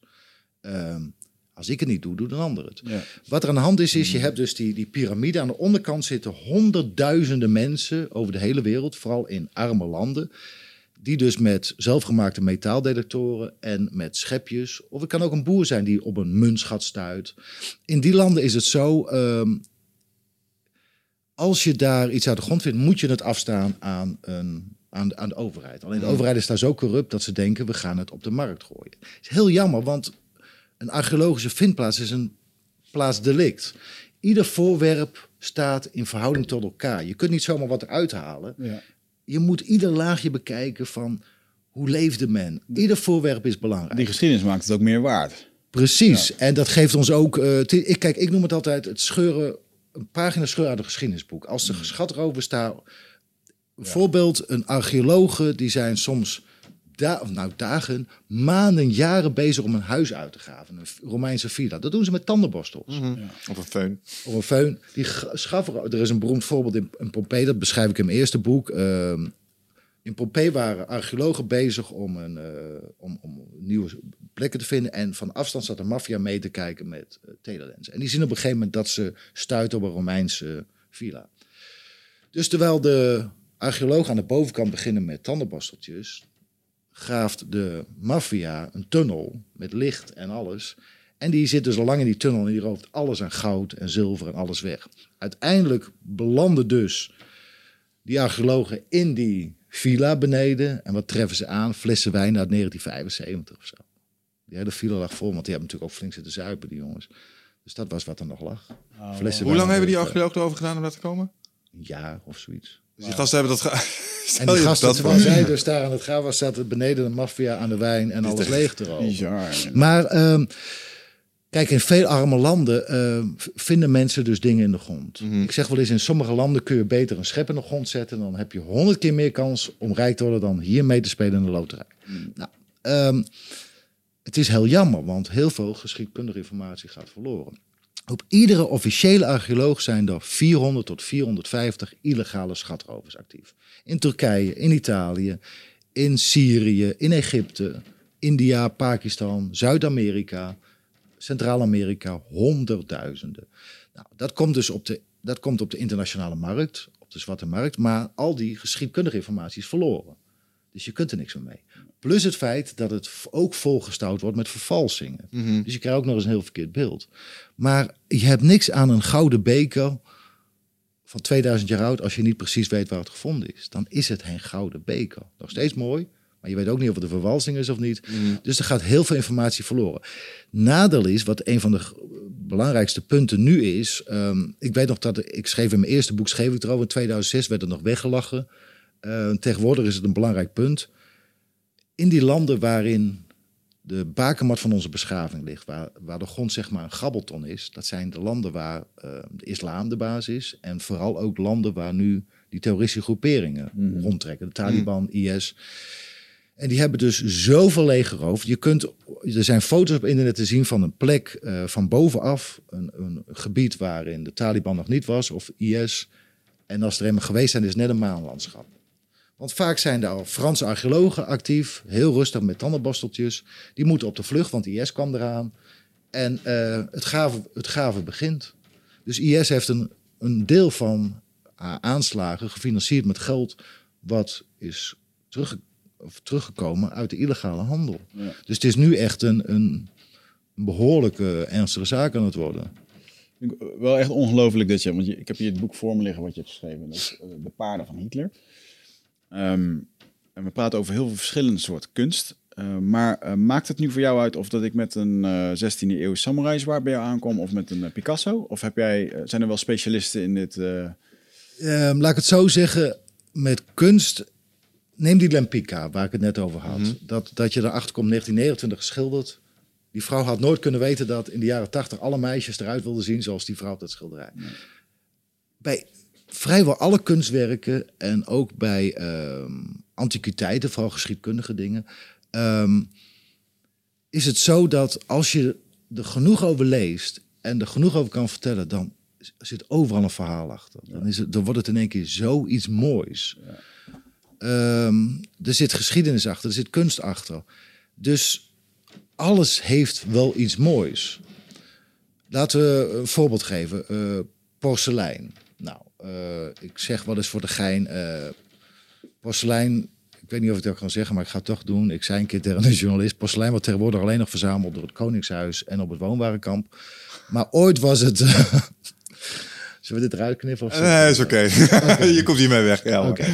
Maar uh, ik moest toen op, op zoek naar een porseleinen servies. En ik denk, nou, daar gaan we op porselein. God, wat interessant. Maar ik zou even kort de ontstaansgeschiedenis van de porselein vertellen. Hoe onvoorstelbaar interessant dat is. Porselein was een Chinese uitvinding. Het was erg gewild in Europa. Dus het was een enorme inkomstenbron voor de Chinezen. Want Europa wilde het hebben, maar de Chinezen verraden niet het geheim. Er waren fabrieken uh, de tongen werden afgesneden van de mensen die daar werkten. Die mochten nooit het geheim vertellen. Dus Europa die dacht, maar jeetje man, wat een gedoe. Dat is echt zo, ja? Ja, ja. Dat wat, is nog eens een NDA. Wat, wat een al kan je tekenen? al die koningshuizen hier, die verzamelden Chinees porselein. Dat was exportporselein. Wow. Op een gegeven moment loopt er een gast rond in, in wat nu Duitsland is. Een, een oplichter, een goochelaar. Die staat op de, op de markt. En die heeft zilveren muntjes en die doet zo. En het is goud. Toen had je al geen misten. Iedereen wilde steen of zilver in goud veranderen. Mm. En men dacht toen nog dat het kon. En die man die zat dat te doen op de markt. En men dacht, mijn god, was natuurlijk gewoon een goochelaar. Ja. De koning hoort ervan, die had een beetje geldnood. En die denkt, uh, pluk hem van de straat af. Hij staat voor die koning en die koning zegt, jij gaat voor mij van zilver goud maken. En die oplichter, die zit die koning aan te kijken en die denkt, die man is niet goed. Dat weet iedereen dat het gewoon niet kan. Enfin, hij wordt opgesloten. Hij zit een paar jaar vast en op een gegeven moment komt hij weer vrij. En uh, de koning zegt van, is het gelukt? Nou, nee. Maar ik heb in die tussentijd wel uitgevonden het geheim van het porselein maken. En porselein was goud in die tijd. Op de ene manier was hij erachter gekomen. Nou, laat het die koning zien. En die koning is toen in Meissen de eerste porseleinfabriek gaan maken. En toen was de monopolie van de Chinezen gebroken. En toen kregen we het Europese porselein. Fantastisch trouwens, dat porselein. En die koning is een van de rijkste mannen geworden door dat porselein. Hmm. En als je dan zo'n verhaal hoort over dat hele porselein, die geschiedenis. Chinees porselein en uiteindelijk kregen we ons Europees porselein door zoiets ridicules verhaal. En je kijkt dan naar dat porselein, die borden, die mooi versierd zijn. En dan begin je er ook van te houden. Mhm. Dus uh, ieder kunstvoorwerp heeft wel een verhaal dat, je, uh, ja, dat het boven zeg maar, het normale uittilt. Daar heb ik er één van opgeschreven. Want uh, uh, jij bent ook bezig uh, geweest met iets wat wij allebei fascinerend vinden. Onopgeloste mysterieën en de oudheid en dat soort dingen. En uh, een van mijn eigen guilty pleasures is oude manuscripten. Ja. Vind ik echt geweldig. Van die oude alchemistische boeken van de oude Arabieren. Geen idee wat erin staat. Nee. Maar ik vind het mooi, die diagrammen en zo. En het lijkt ja. een beetje op een toverboek. Um, daar ben jij er ook een van tegengekomen. Kun je daar eens iets over Judas vertellen? Juist. Ja, dat was echt... Ik was nog een groentje in dit vak. Ik uh, liep uh, een beetje mee met Michel Verijn. Michel Verijn is, um, is mijn leermeester geweest. Daar, Scotland Yard zei ooit over Michel Verijn, en dat typeerde hem precies. Michel Verijn daar opent mijn nieuwe boek ook mee, dat ik bij hem op bezoek kom. Maar Scotland Yard zei ooit, Michel Verijn is betrokken bij 90% van alle kunstcriminaliteit in de wereld. En dan hebben we het over de jaren 70 en 80. Hè bij alle kunstcriminaliteit in de wereld, 90%. En, hij wil ons ook nog doen geloven dat hij bij de overige 10% betrokken is. Met andere woorden, hij wou gewoon alle criminaliteit claimen. Enfin, Michel Verijn is uiteindelijk overgestapt ergens in de jaren 90 naar de andere kant. Hij is toen een website begonnen om hele zooi in de kunstwereld uh, te exposen. Mm -hmm. Er waren geruchten dat meneer Van Rijn wel de overstap had gemaakt, maar met één been in die andere wereld was blijven hangen. Ik weet niet of hij dat zelf zal ontkennen. Ik weet zeker dat hij dit ziet. Hij leeft er nog. Nou, meneer Van Rijn, hij leeft je nog. bent uitgenodigd. Kom vertellen. Ja, ja die man. Uh, fijn. Dus uh, toen ik de eerste keer bij hem op bezoek kwam, per ongeluk, dat is te lang verhaal om te vertellen. Toen werd ik eigenlijk al in de top gelanceerd natuurlijk, als, mm. als, als groentje. Mm. En uh, Michel Verijn was toen aan de goede kant van de wet. Ik ontmoette dat Scotland Yard en weet ik veel wat. En uiteindelijk, dat was, we zitten nu in de tijd van Den Brouw de Da Vinci Code. Ja. De hele wereld was gek op Dan Ja, Brown. ja. Dat gaat over een manuscript, eh, wat door de kerk ooit verboden is geweest.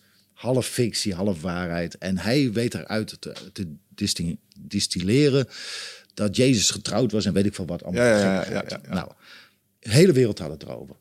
Wij krijgen op een gegeven moment, Michel dan, maar ik was daarbij, op een gegeven moment stukken van een manus- manuscript in handen. Het evangelie van Judas.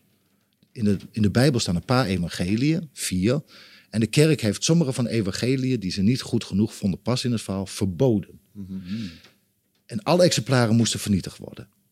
Een monnik in Egypte, die kennelijk het zo mooi manuscript vond, die heeft het begraven in een grot. Hij is gestorven en 2000 jaar later duikt dat manuscript op in de illegale handel.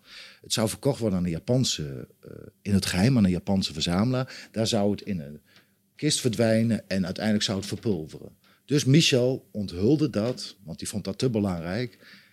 Enfin, wij zitten dus midden in dat verhaal van het Judas. Een echt manuscript door de kerk verboden. Hmm. Met een hele explosieve inhoud. Want in het Judas-evangelie, iedereen weet, Judas heeft Jezus verraden voor 30 zilverlingen. Is een beetje ook de kiem geweest van het antisemitisme. De Joden hebben Jezus verraden. Een klein deeltje, want ook in de islam is er een enorme jodenhaat natuurlijk. En het, bij de nazi's was het, dat zijn, die waren atheïst. Maar het heeft er ook wel mee te maken gehad. In het Judas-evangelie is het andersom. Judas, of Jezus zegt tegen Judas, Judas, ik moet om mijn taak te volbrengen op aarde, moet ik aan het kruis. Dat is nou eenmaal mijn doel. Ik moet sterven voor de mensheid. Iemand moet mij verraden. Jij bent mijn trouwste leerling. Zou jij dat voor je op willen nemen? De mensen zullen je vervloeken daarvoor, maar zou je dat willen doen? Dus in het Judas-evangelie verraadt Judas Jezus op diens verzoek. Wauw. Nou, dat paste niet in het verhaal van de kerk, dus dat, Een is ander het uit- verhaal, ja. ja, nou moet je je voorstellen, ik zit dus op een verjaardag daar rond die tijd. En ehm, iedereen heeft het over Dan Brown. Dus ik, met mijn domme kop, roep: jongens, wij zijn bezig met een echt geheim manuscript. Echt verboden door de kerk. Jullie even vergeten. En ze zaten me aan te kijken en ze dachten: willen we de psychiater of gaan we gewoon ze- gezellig door met die verjaardag? Interventietijd. Drie maanden later wordt het dus onthuld. Wereldwijd. En een vriend van mij belt me op, die ziet het op CNN. Die zegt, had je het daar laatst niet over? Ik zeg, ja, daar had ik het laatste over. Nou, de paus, eh, de Vaticaan heeft er nog een persconferentie over uitgedaan... dat ze nog steeds het verwierpen. Nou, dat is wereldwijd, is het. Mijn eerste boek gaat erover. Ja. Eh, het is een wereldwijd verhaal geweest. En ik heb s'nachts, drie uur s'nachts, was op een woensdagavond... kreeg ik van Michel uit Engeland de eerste pagina vertaald.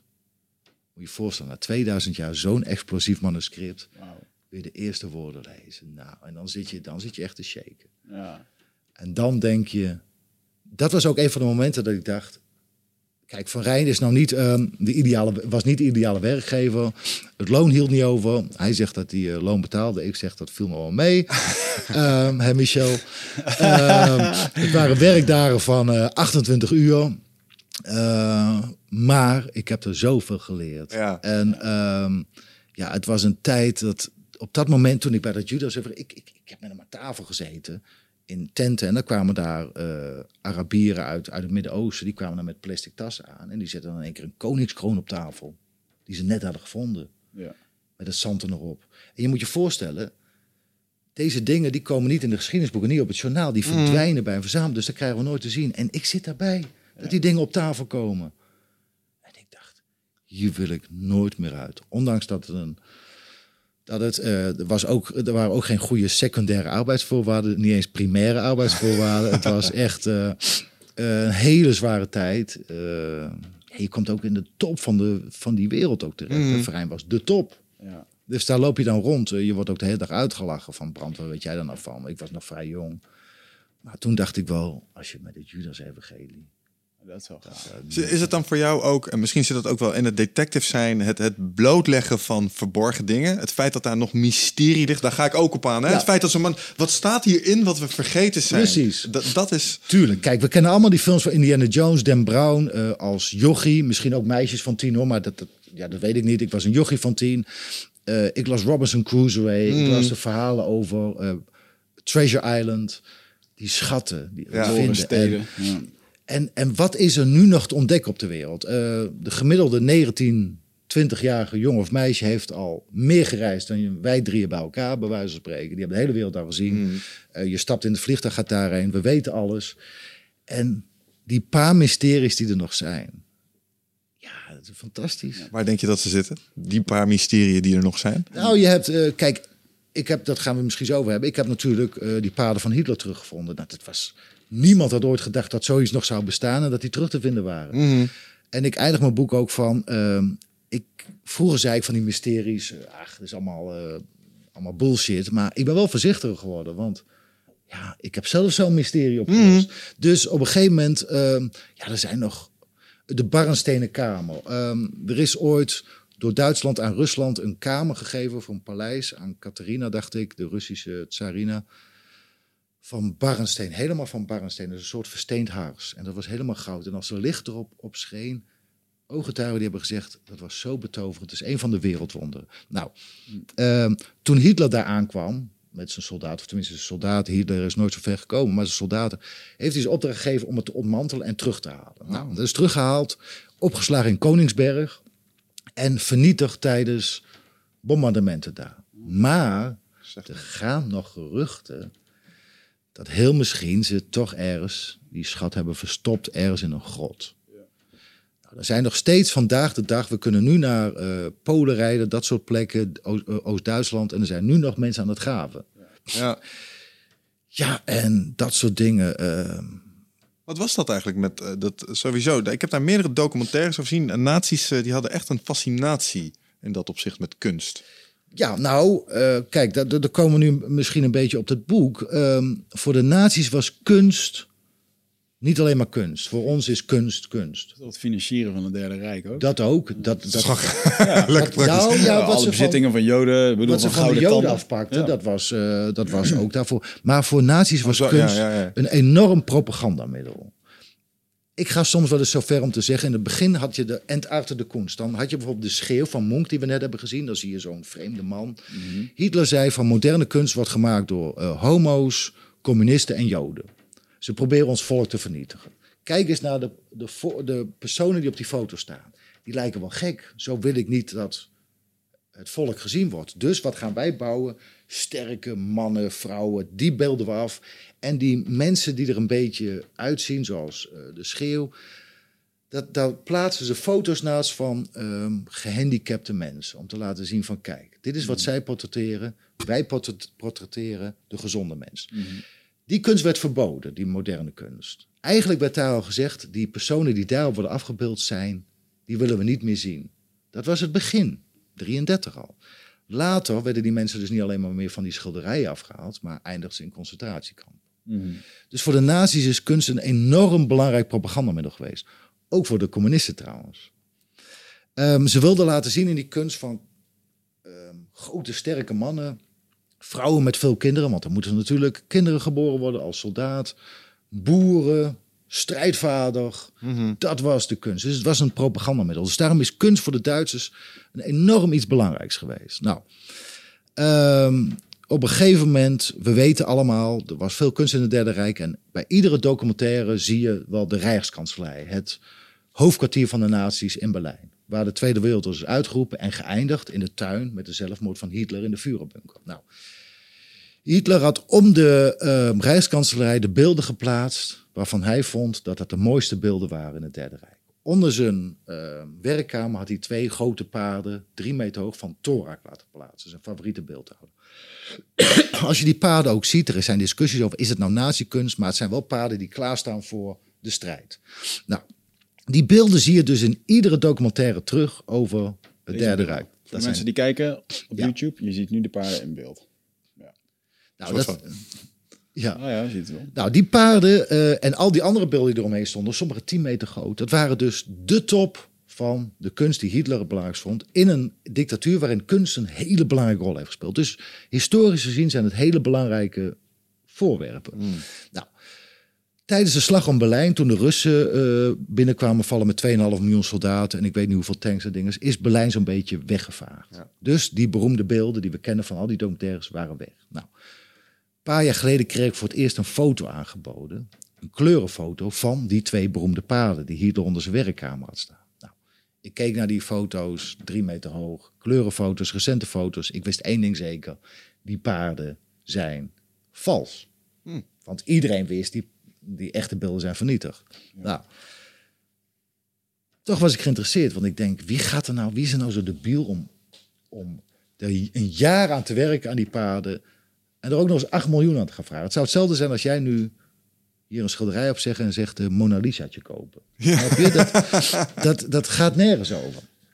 Dus ik was erin geïnteresseerd. Op een gegeven moment, ik, ik, ga- ik ga geen spoilers weggeven, volgens mij ben ik er al mee bezig, maar op een gegeven moment kijk ik dus naar, lig ik dus ook s'avonds op de bank met een biertje met borrelnootjes. En ik zie daar met een schuin oog een documentaire over de laatste dagen van het Derde Rijk. Met de allerberoemdste beelden, misschien wel uit de Tweede Wereldoorlog. Dat zijn namelijk de, de, de allerberoemdste beelden. De allerlaatste filmbeelden van Adolf Hitler. Hij komt nog één keer uit die bunker in de Rijkskanselarij, in de tuin. Hij loopt nog één keer naar boven en daar staan er een paar jonge jongens van de Hitlerjugend. Jaar of 12, 13. En die krijgen, zijn laatste soldaten. En die krijgen dan nog een medaille opgeplakt. Dat zijn die beroemde beelden waarin je Hitler met die hand achter zijn rug ziet trillen. Nou, ik zit daar te kijken en in één keer zie ik het.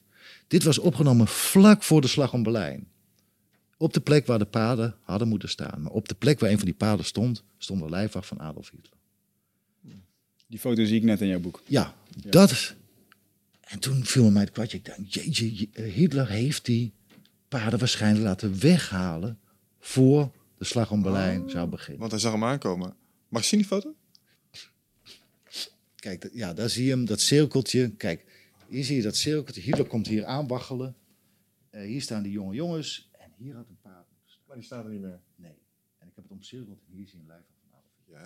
Juist. Nou, Ik toen, laat het nog zien voor de camera. ja, ik ga dus helemaal, ik ga geen spoilers weggeven, maar uiteindelijk denk ik, weet ik dus, jeetje, die foto kan toch wel eens echt zijn. Nou, dan duik je dus een wereld in en dan ontdek je inderdaad dat Hitler ze heeft laten weghalen, dat de Russen hem in beslag hebben genomen en ergens in 89 hebben de communisten het verkocht aan een stel oud-nazi's.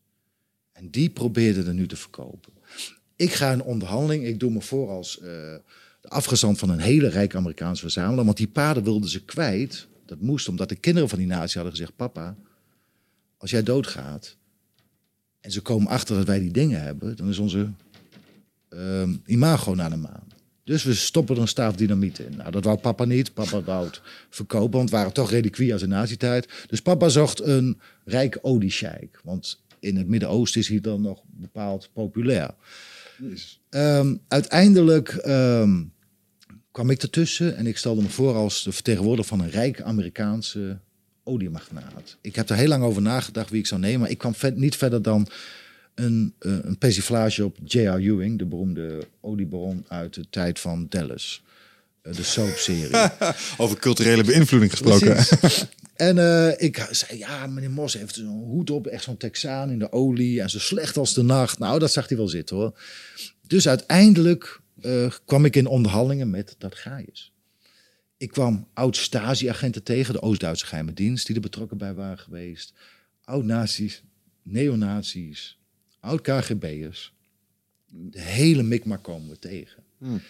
En ehm, uiteindelijk is het ons dus gelukt om. eh, oh nee, of het nog. Op een gegeven moment duurde het even voordat ik die paden eh, kon zien of aangeboden kreeg. Want er waren wat akkefietjes tussen de heren naties.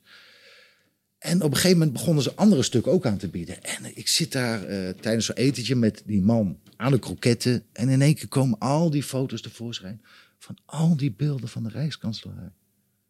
En dan krijg je te horen dat een van de eigenaren in een hele grote ondergrondse kelder de Rijkskanselarij heeft nagebouwd. Met het marmer van de Rijkskanselarij. Dus het hoofdkwartier van de naties, waarvan iedereen dacht dat het 75 jaar geleden weggevaagd was, bleek gewoon te bestaan. En dan zit je als jongen uit Deventer, jij woont inmiddels ook in Deventer, eh, dan heb je niet zo heel veel wereldaspiraties, dat weet je inmiddels ook wel. Ehm, ja, en als je dat dan in één keer eh, daarvoor zit, dan denk je, oh mijn god. Nou, uiteindelijk eh, zijn er invallen gedaan. Ik ga niet te veel verraden. Ehm, s- f- hilarisch avontuur geweest, ook spannend. Je gaat het niet verraden, want je gaat het nog een keertje in een, een boek of, of, of het is gewoon niet Uitkomst van het bespreekbaar. boek wat voor je ligt volgens mij. Ja, dat is een boek. Ah, oké. Mensen moeten gewoon dit boek lezen. Om Ja, dat te moeten ze zelf Ja, weten, maar- oké. Het wordt Spoiler ook- alert. Op. Het, wordt, eh, het wordt ook verfilmd. We hebben er een documentaire over gemaakt vorig jaar bij eh, Max, maar dat was maar 35 minuten. Dus dat staat Ja. niks. Die is trouwens wel ingezonden voor een Emmy door de Nederlandse televisie, die Ik heb aflevering. hem gekeken. Ik was met name verrast over wat nog meer uit die verzameling allemaal tevoorschijn kwam. Ja. Aan eh, wapenmateriaal en zo. Torpedo's werden gevonden uit Tweede Wereldoorlog. V1, eh, tank, afweergeschut. Ik zie het kantoor van Hitler. Ik moet zeggen, hij had wel smaak. Ja, alleen eh, Hitler was, ik denk, 1,60 meter of zo. En, en het plafond was eh, 10 meter. Ja, het is gigantisch. Maar, Maar eh, wat we dus, ja, en, en ehm, het wordt ook verfilmd, eh, het verhaal. En de New York Times noemde het even klein een beetje, dat is niet eens reclame, het is gewoon. Maar de New York Times noemde het een van de meest interessante fondsen in decennia. Ja, dat is toch vet, zo'n mooie Ja, en dan ben je, dan zit je daar in Deventer, waar jij dus inmiddels ook woont. En uh, ja, als je dan uh, dat allemaal leest, dat de hele wereldpers over je heen valt. Ja, dan, dan denk je wel van... Uh, Waar zijn we begonnen? Speelt Cody Eagles nog vanavond? Ja. even, hebben ze weer verloren? Dat weet ik niet, ik volg het niet. Maar, um, ja, um, nee, fa fascinerend, dit soort dingen. Um, je, daar had ik net nog een dingetje over. I'm drawing a blank. Maar als het gaat om die, die avonturen. Um,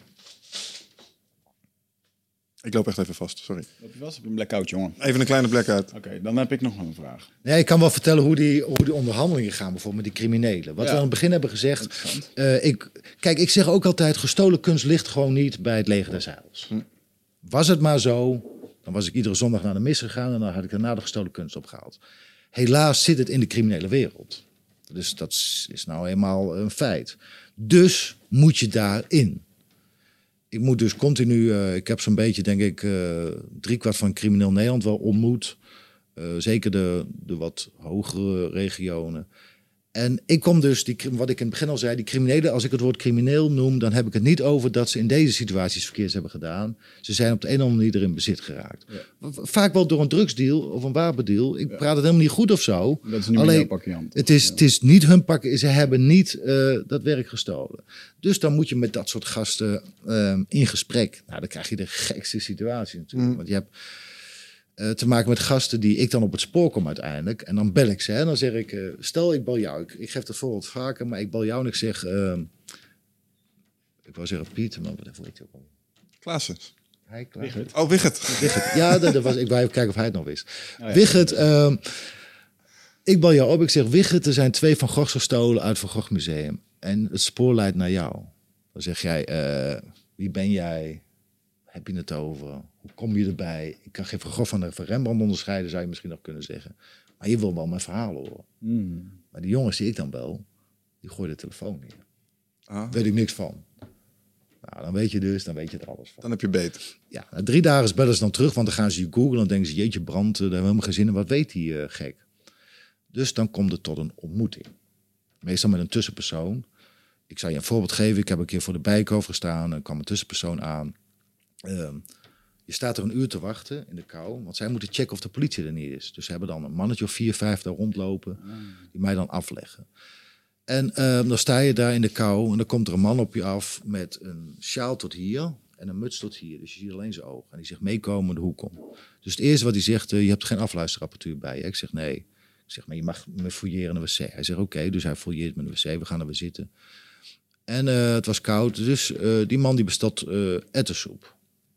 En hij begint te zweten daar, jongen. Dus dat, van die ettersoep. Dus dat, sjaal valt af. Die muts gaat af. Dus op een gegeven moment zie je gewoon wie er zit. Ik ken hem dan weliswaar niet. Maar, uh, en dan zegt hij, uh, meneer Brandt, als je me gaat, ons gaat besodemieteren, gaat je kop eraf. Mm -hmm. Nou, de eerste keer schrik je ervan, maar het gaat altijd zo in die situaties. Uh, bij hun, zoals jij zegt tegen mij van, goh, wat wij er buiten zeggen, zij je kop gaat eraf. Mm -hmm. Dus gewoon bij hun een het zegt eigenlijk helemaal niks. Nou, ik nodig ze ook wel eens thuis uit uh, om te laten zien dat ik niks van plan ben. Dat ik het open en eerlijk wil spelen. In principe toen zij iets goeds. Uh, ik heb, ben zo op het spoor gekomen. Ik zeg, lever het nou maar in. Dus, uh, nou ja, als ze dan toch willen gaan meewerken van iets wat ze niet zelf gestolen hebben, kan ik alleen maar zeggen, nou, chapeau. Mm -hmm. Dus ehm, ik nodig ze dan thuis uit. Maar ik heb dus meegemaakt dat er een crimineel zit bij mij thuis en die zegt: Arthur, je weet het hè, als je ons besotemietert, we vinden uit waar je woont en dan pakken we je. Ik zeg: Maar, maar je zit bij mij op de bank. Je weet waar ik woon. En dan zeg ik: Oh ja, zegt hij. En dan gaan ze nadenken, dan denken ze, misschien wilde hij ons toch niet besotemieteren. En dat zal ik ook nooit doen. Ten eerste, als ik mijn woord geef, geef ik mijn woord. Ten tweede, uh, overleg ik wel altijd met uh, justitie van we zijn hier niet met de dieven in aanraking. Dit zijn mensen die hebben niks mee te maken. Het is tien jaar geleden, dus we komen nooit meer bij de dieven. Zullen we de kunst gaan terughalen? Want als je die mensen arresteert, hè, dan weet je twee dingen. Gaan we nooit meer vinden. Nee, dat, je weet ten eerste, je komt nooit bij de dieven, want die kennen zij niet eens. Er zitten zeven schakels tussen. Mm -hmm. um, de heren zelf, die kun je misschien pakken voor heling, een maandje. Maar zelfs dat gebeurt niet, want de kunst vind je niet meer terug. Want die kunst hebben ze niet onder een bed liggen. Die kunst wordt dan vernietigd. Ja. Want die mensen die denken, ja, dan moet ik ook nog eens gaan zitten voor iets waar ik niks mee te maken heb. Dus ehm, vaak zegt justitie dan ook van, haal de kunst maar terug. We kunnen er verder niks mee. Hoeven de desbetreffende bezitters op dat moment niet te verklaren hoe ze eraan zijn gekomen? Nee, dat is dus het punt. Kijk, want als je dat, die, die voorwaarden gaat stellen, Dan komt het, komt niet uit, het komt niet uit, eh, eh, uit, uit, eh, uit de kerk. Het komt Nee. uit het criminele milieu. Juist. Maar de politie weet ook, als je dat gaat vragen, krijg je het antwoord niet. Want die mensen zijn vaak doodsbang. En ook al zouden ze die naam zeggen van die criminele groepering, kom je bij die criminele groepering. En dat is ook weer de zevende schakel. Dus daar kom je, je komt er niet eh, bij. En ze hebben niet gestolen, je kunt ze niet op heding pakken. Dus als ze ze vrijwillig willen teruggeven en die topstukken komen terug, ja, dan zijn we toch allemaal blij. Mm, ja, ik kan me voorstellen. Dus, eh, maar ja, dan krijg je dus die gesprekken met, eh, met die criminelen. En dan moet je, je moet hun vertrouwen winnen. Want dat merk ik wel. Eh, ze vertrouwen hun moeder, maar dan heb je het wel gehad. Hun beste vrienden vertrouwen ze niet, hun collega's niet. Want ze zeggen, mijn vriend van vandaag is mijn vijand van morgen. En ik nodig ze dus ook gewoon thuis uit om te laten zien, ik heb niets te verbergen. Wat is nou de grootste pijn die zo'n crimineel hierin voelt? Hoe bedoel je die? Nou, de, ze, ze zitten met iets en ze gaan met jou in gesprek en jij moet vervolgens zeggen, ja, je moet die kunst teruggeven. En uh, dat zal misschien een, een worst wezen, want om die kunst geven ze misschien al niks. Nee. Maar is het dan het geld? Is het de status? Is het eh, de nee, wat, ze, wat, ze dan, wat dan vaak het is, is eh, ze zitten ermee in de maag. Ehm, ik zal je een voorbeeld geven. Ik was een keer met die Scheringa-zaak bijvoorbeeld, met die Lempica over die Madonna. Daar was ik dus acht maanden mee in onderhandeling en iedere keer werd hij doorgeschoven naar een volgende groepering. En uiteindelijk word ik dus gebeld door een groepering die zegt, meneer Brandt, wij hebben de Scheringa, een, eh, wij hebben de werken. Ik zeg, dat kan niet, want ik ben met een andere groepering bezig. Ja, nou, daar, daar kunnen we heel veel over vertellen, maar daar eh, zijn we behoorlijk boos over, want die hebben ons dit als onderpandgever op betaling. Wij weten nu dat hij gejat is. We zijn verhaal gaan halen en ze hebben gezegd, zoek het maar uit met brand. Want daar hebben wij mee gesproken. Jij wordt gewoon met het schilderij mee overgedragen tussen criminele organisaties. Ja. Lekker. Nou, dus die, Schilderij ligt daar en daar. die criminelen die bellen me op, want die gaan mij googlen en die denken, Brand, straks zou Brand misschien de politie hebben ingeschakeld. Ja. Wat ik niet had gedaan. Maar stel dat hij heeft gedaan, dan zijn ze ons misschien op het spoor. Tenminste, de vorige criminele groepering weten ze dat wij ze nu in bezit hebben. Terwijl ze niet eens wisten dat het gestolen was. Maar die hebben het dus in hun bezit. En ehm, als we nu die schilderijen gaan verbranden en worden daarvoor gepakt, dan krijg je pas een echte straf. Dus wat moeten we doen? Dus ik bied ze aan van jongens, leven ze nou in. Vaak verliezen die criminelen veel geld. Ja. Want ze hebben er toch eh, als onderpad gezien. Maar ook hoeveel zakenmensen ik die niet tegenkom. Die dus een betaling krijgen in kunst. Wat dus later gestolen blijkt te zijn. Ja, dus die gaan vaak wel het schip in. Soms is er een beloning. eh, dat het een beetje goed maakt. En er wordt wel eens een onkostenvergoeding afgesproken. Dat die mensen wel eh, zich een beetje gewa- gewaardeerd voelen. Dat ze toch iets terugbrengen. ja, ja. Je bent eigenlijk een soort tussenpersoon of iemand niet ofwel naar de bak hoeft misschien. Of dat er misschien Nou nee, want dat is dus het punt. Hè, want die mensen hoeven niet naar de bak. Want die hebben niks misdaan. Alleen die gaan het ook niet inleveren. Nee. Want dan is hun, zijn hun reputatie aan de maan. Of ze krijgen toch problemen met justitie. Omdat justitie gaat zeggen, ja, van wie heb je hem? Ja. En ehm, als jij een autootje koopt en het blijkt later... eh, je komt erachter dat het eh, de beste vriend van Holleder is. Die jou dat ding heeft verkocht. En jij komt erachter die vals in. De politie komt bij jou op de stoep. En zegt van wie heb je dat ding gekocht? Dan denk jij wel twee keer na. Ga ik nu eh, die, die broer van Holleder erbij... of die vriend van Holleder erbij laten lappen? Of laat ik het maar zo? Ja, grappig. Ik, ik ken iemand die al in deze situatie zo reageerde met een gestolen fiets. Ja. Iemand, ja, weet je. Heb je wel eens een pistool op tafel gehad? Eh, ja, ik heb wel eens pistolen gezien. Het is nooit op mij eh, gericht geweest. Maar eh, de eerste keer dat ik bij Michel Verijn kwam, als groentje, dus mijn leermeester in Engeland, toen lagen de pistolen er op tafel. Dus dat, ik weet niet meer of het Scotland Yard was of, of mensen van de FBI die over waren gekomen. Maar daar lagen pistolen op tafel. En ehm, ik nodig dus wel eens criminelen thuis uit als we een zaak doen. Want meestal is het op van die shady plekken, parkeerplaatsen. Ik zal laatst met een best wel een beroemde crimineel, ik ga de naam niet zoeken, hadden we afgesproken bij de Coffee Company, die was er toen nog, in de pijp. Ehm, en hij zit daar en hij zegt, jeetje, wat gezellig hier, man. En het was zijn oude wijk, hè, de pijp. Wat is het leuk geworden? Ik zeg, maar kom je hier dan nooit? Maar hij zegt, nee, al die afspraken die ik heb, dat is allemaal in parkeergarages, ehm, bij restaurants langs de snelweg. Hij zegt, ik kom hier nooit meer, wat gezellig.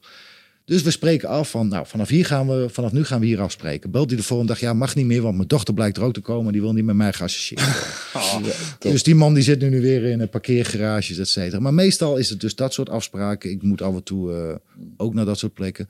Maar ehm, ik nodig ze dan wel eens thuis, maar wat dan ook wel eens gebeurt, is dan zit er een crimineel bij me thuis. En dan belt een ander dat hij onderweg is, van ik moet even je wat vragen. Maar dan blijken die twee oorlog te hebben. Dus dan moet ik dat ook nog eens gaan rijden. Dan zeg ik, nou, er zit hier iemand die wil jou niet zien en jij wil hem niet zien. Dus rij eerst nou een paar rondjes, dan bel ik jou zo meteen wel uh, dat je kunt komen. Zul je net zien dat ze elkaar treffen voor je voordeur? Hallo! Ja, nee, dan... dan met een langs rijden.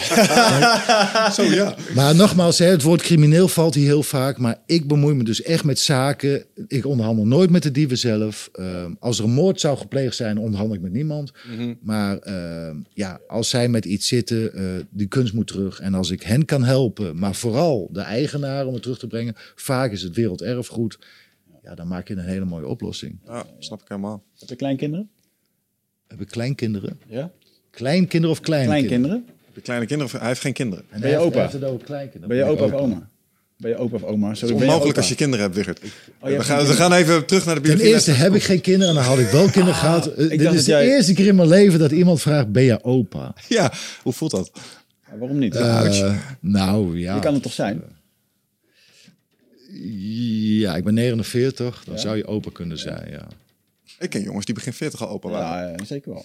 Nou, ik zat meer eventjes te denken van, ja, je zou, eh, als een opa heb je hele toffe verhalen. Coole opa's We zijn. hebben hier een andere eh, hele coole opa gehad. Dat was meer Dick Mol. Die, eh, die doet precies hetzelfde als jij, maar dan voor mammoeten. ja. Die ken ik heel goed. eh, Ik Dick, ken Dick. nou, ik ken Dick niet goed, maar Michel Verijn was een goede vriend met Dick Mol. Ah. En ehm, Ja, hij heeft ons verteld over het Mythe-Kleupsproces eh, van eh, archeologie, maar dan met eh, paleontologie, geloof ik. Dat ze met die botten bezig zijn, zodat dat heel secuur werk is. Ja, ja. inderdaad. Zijn, ik denk dat zijn archeoloog gaat ook wel breekt als hij hoort hoe die gasten dat Ja, dan ja, aanpakken. Ja. Nee, maar Dick Mol die vroeg Michel wel eens eh, om lezingen te geven, hoe dat nou ging, kunstsmokkel. Ja.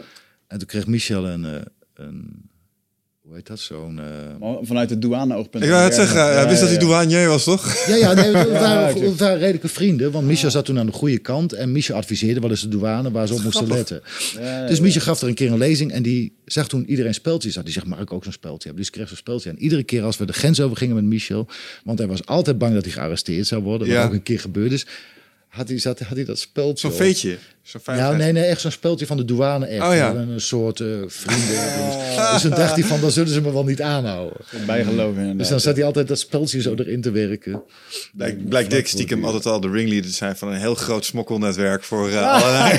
dat komt dan allemaal in het nieuws. Ja. Ja. daar wil ik het nog over hebben. Want de, de, we hadden het straks over. Er komt straks in het nieuws.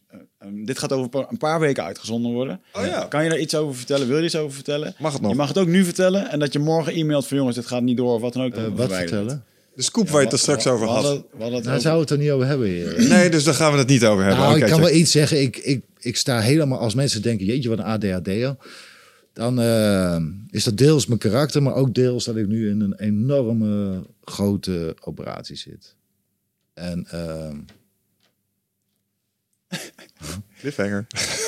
nou ja, het is gewoon... Je zit te zoeken wat je wel niet mag Nou, vertellen. Nou, doe het dan de- niet. De, de laatste eh, vier maanden hebben, hebben we een, een heel belangrijk mozaïek teruggebracht vanuit Cyprus. Dat is wereldnieuws geworden. En twee hele belangrijke fysiogotische stenen uit Spanje. Mhm. En dit zou de derde wereldzaak zijn in vier maanden. Dus ik ben wel zwaar overwerkt. Je bent op dreef, bedoel je? Nou, nee, dat niet. Ik ben zwaar overwerkt. Maar eh, het is een megazaak, een topstuk. Een van de mooiste kunstwerken die ik ooit heb gezien. Ja. Wereldstuk. Zou de kroon op je werk zijn?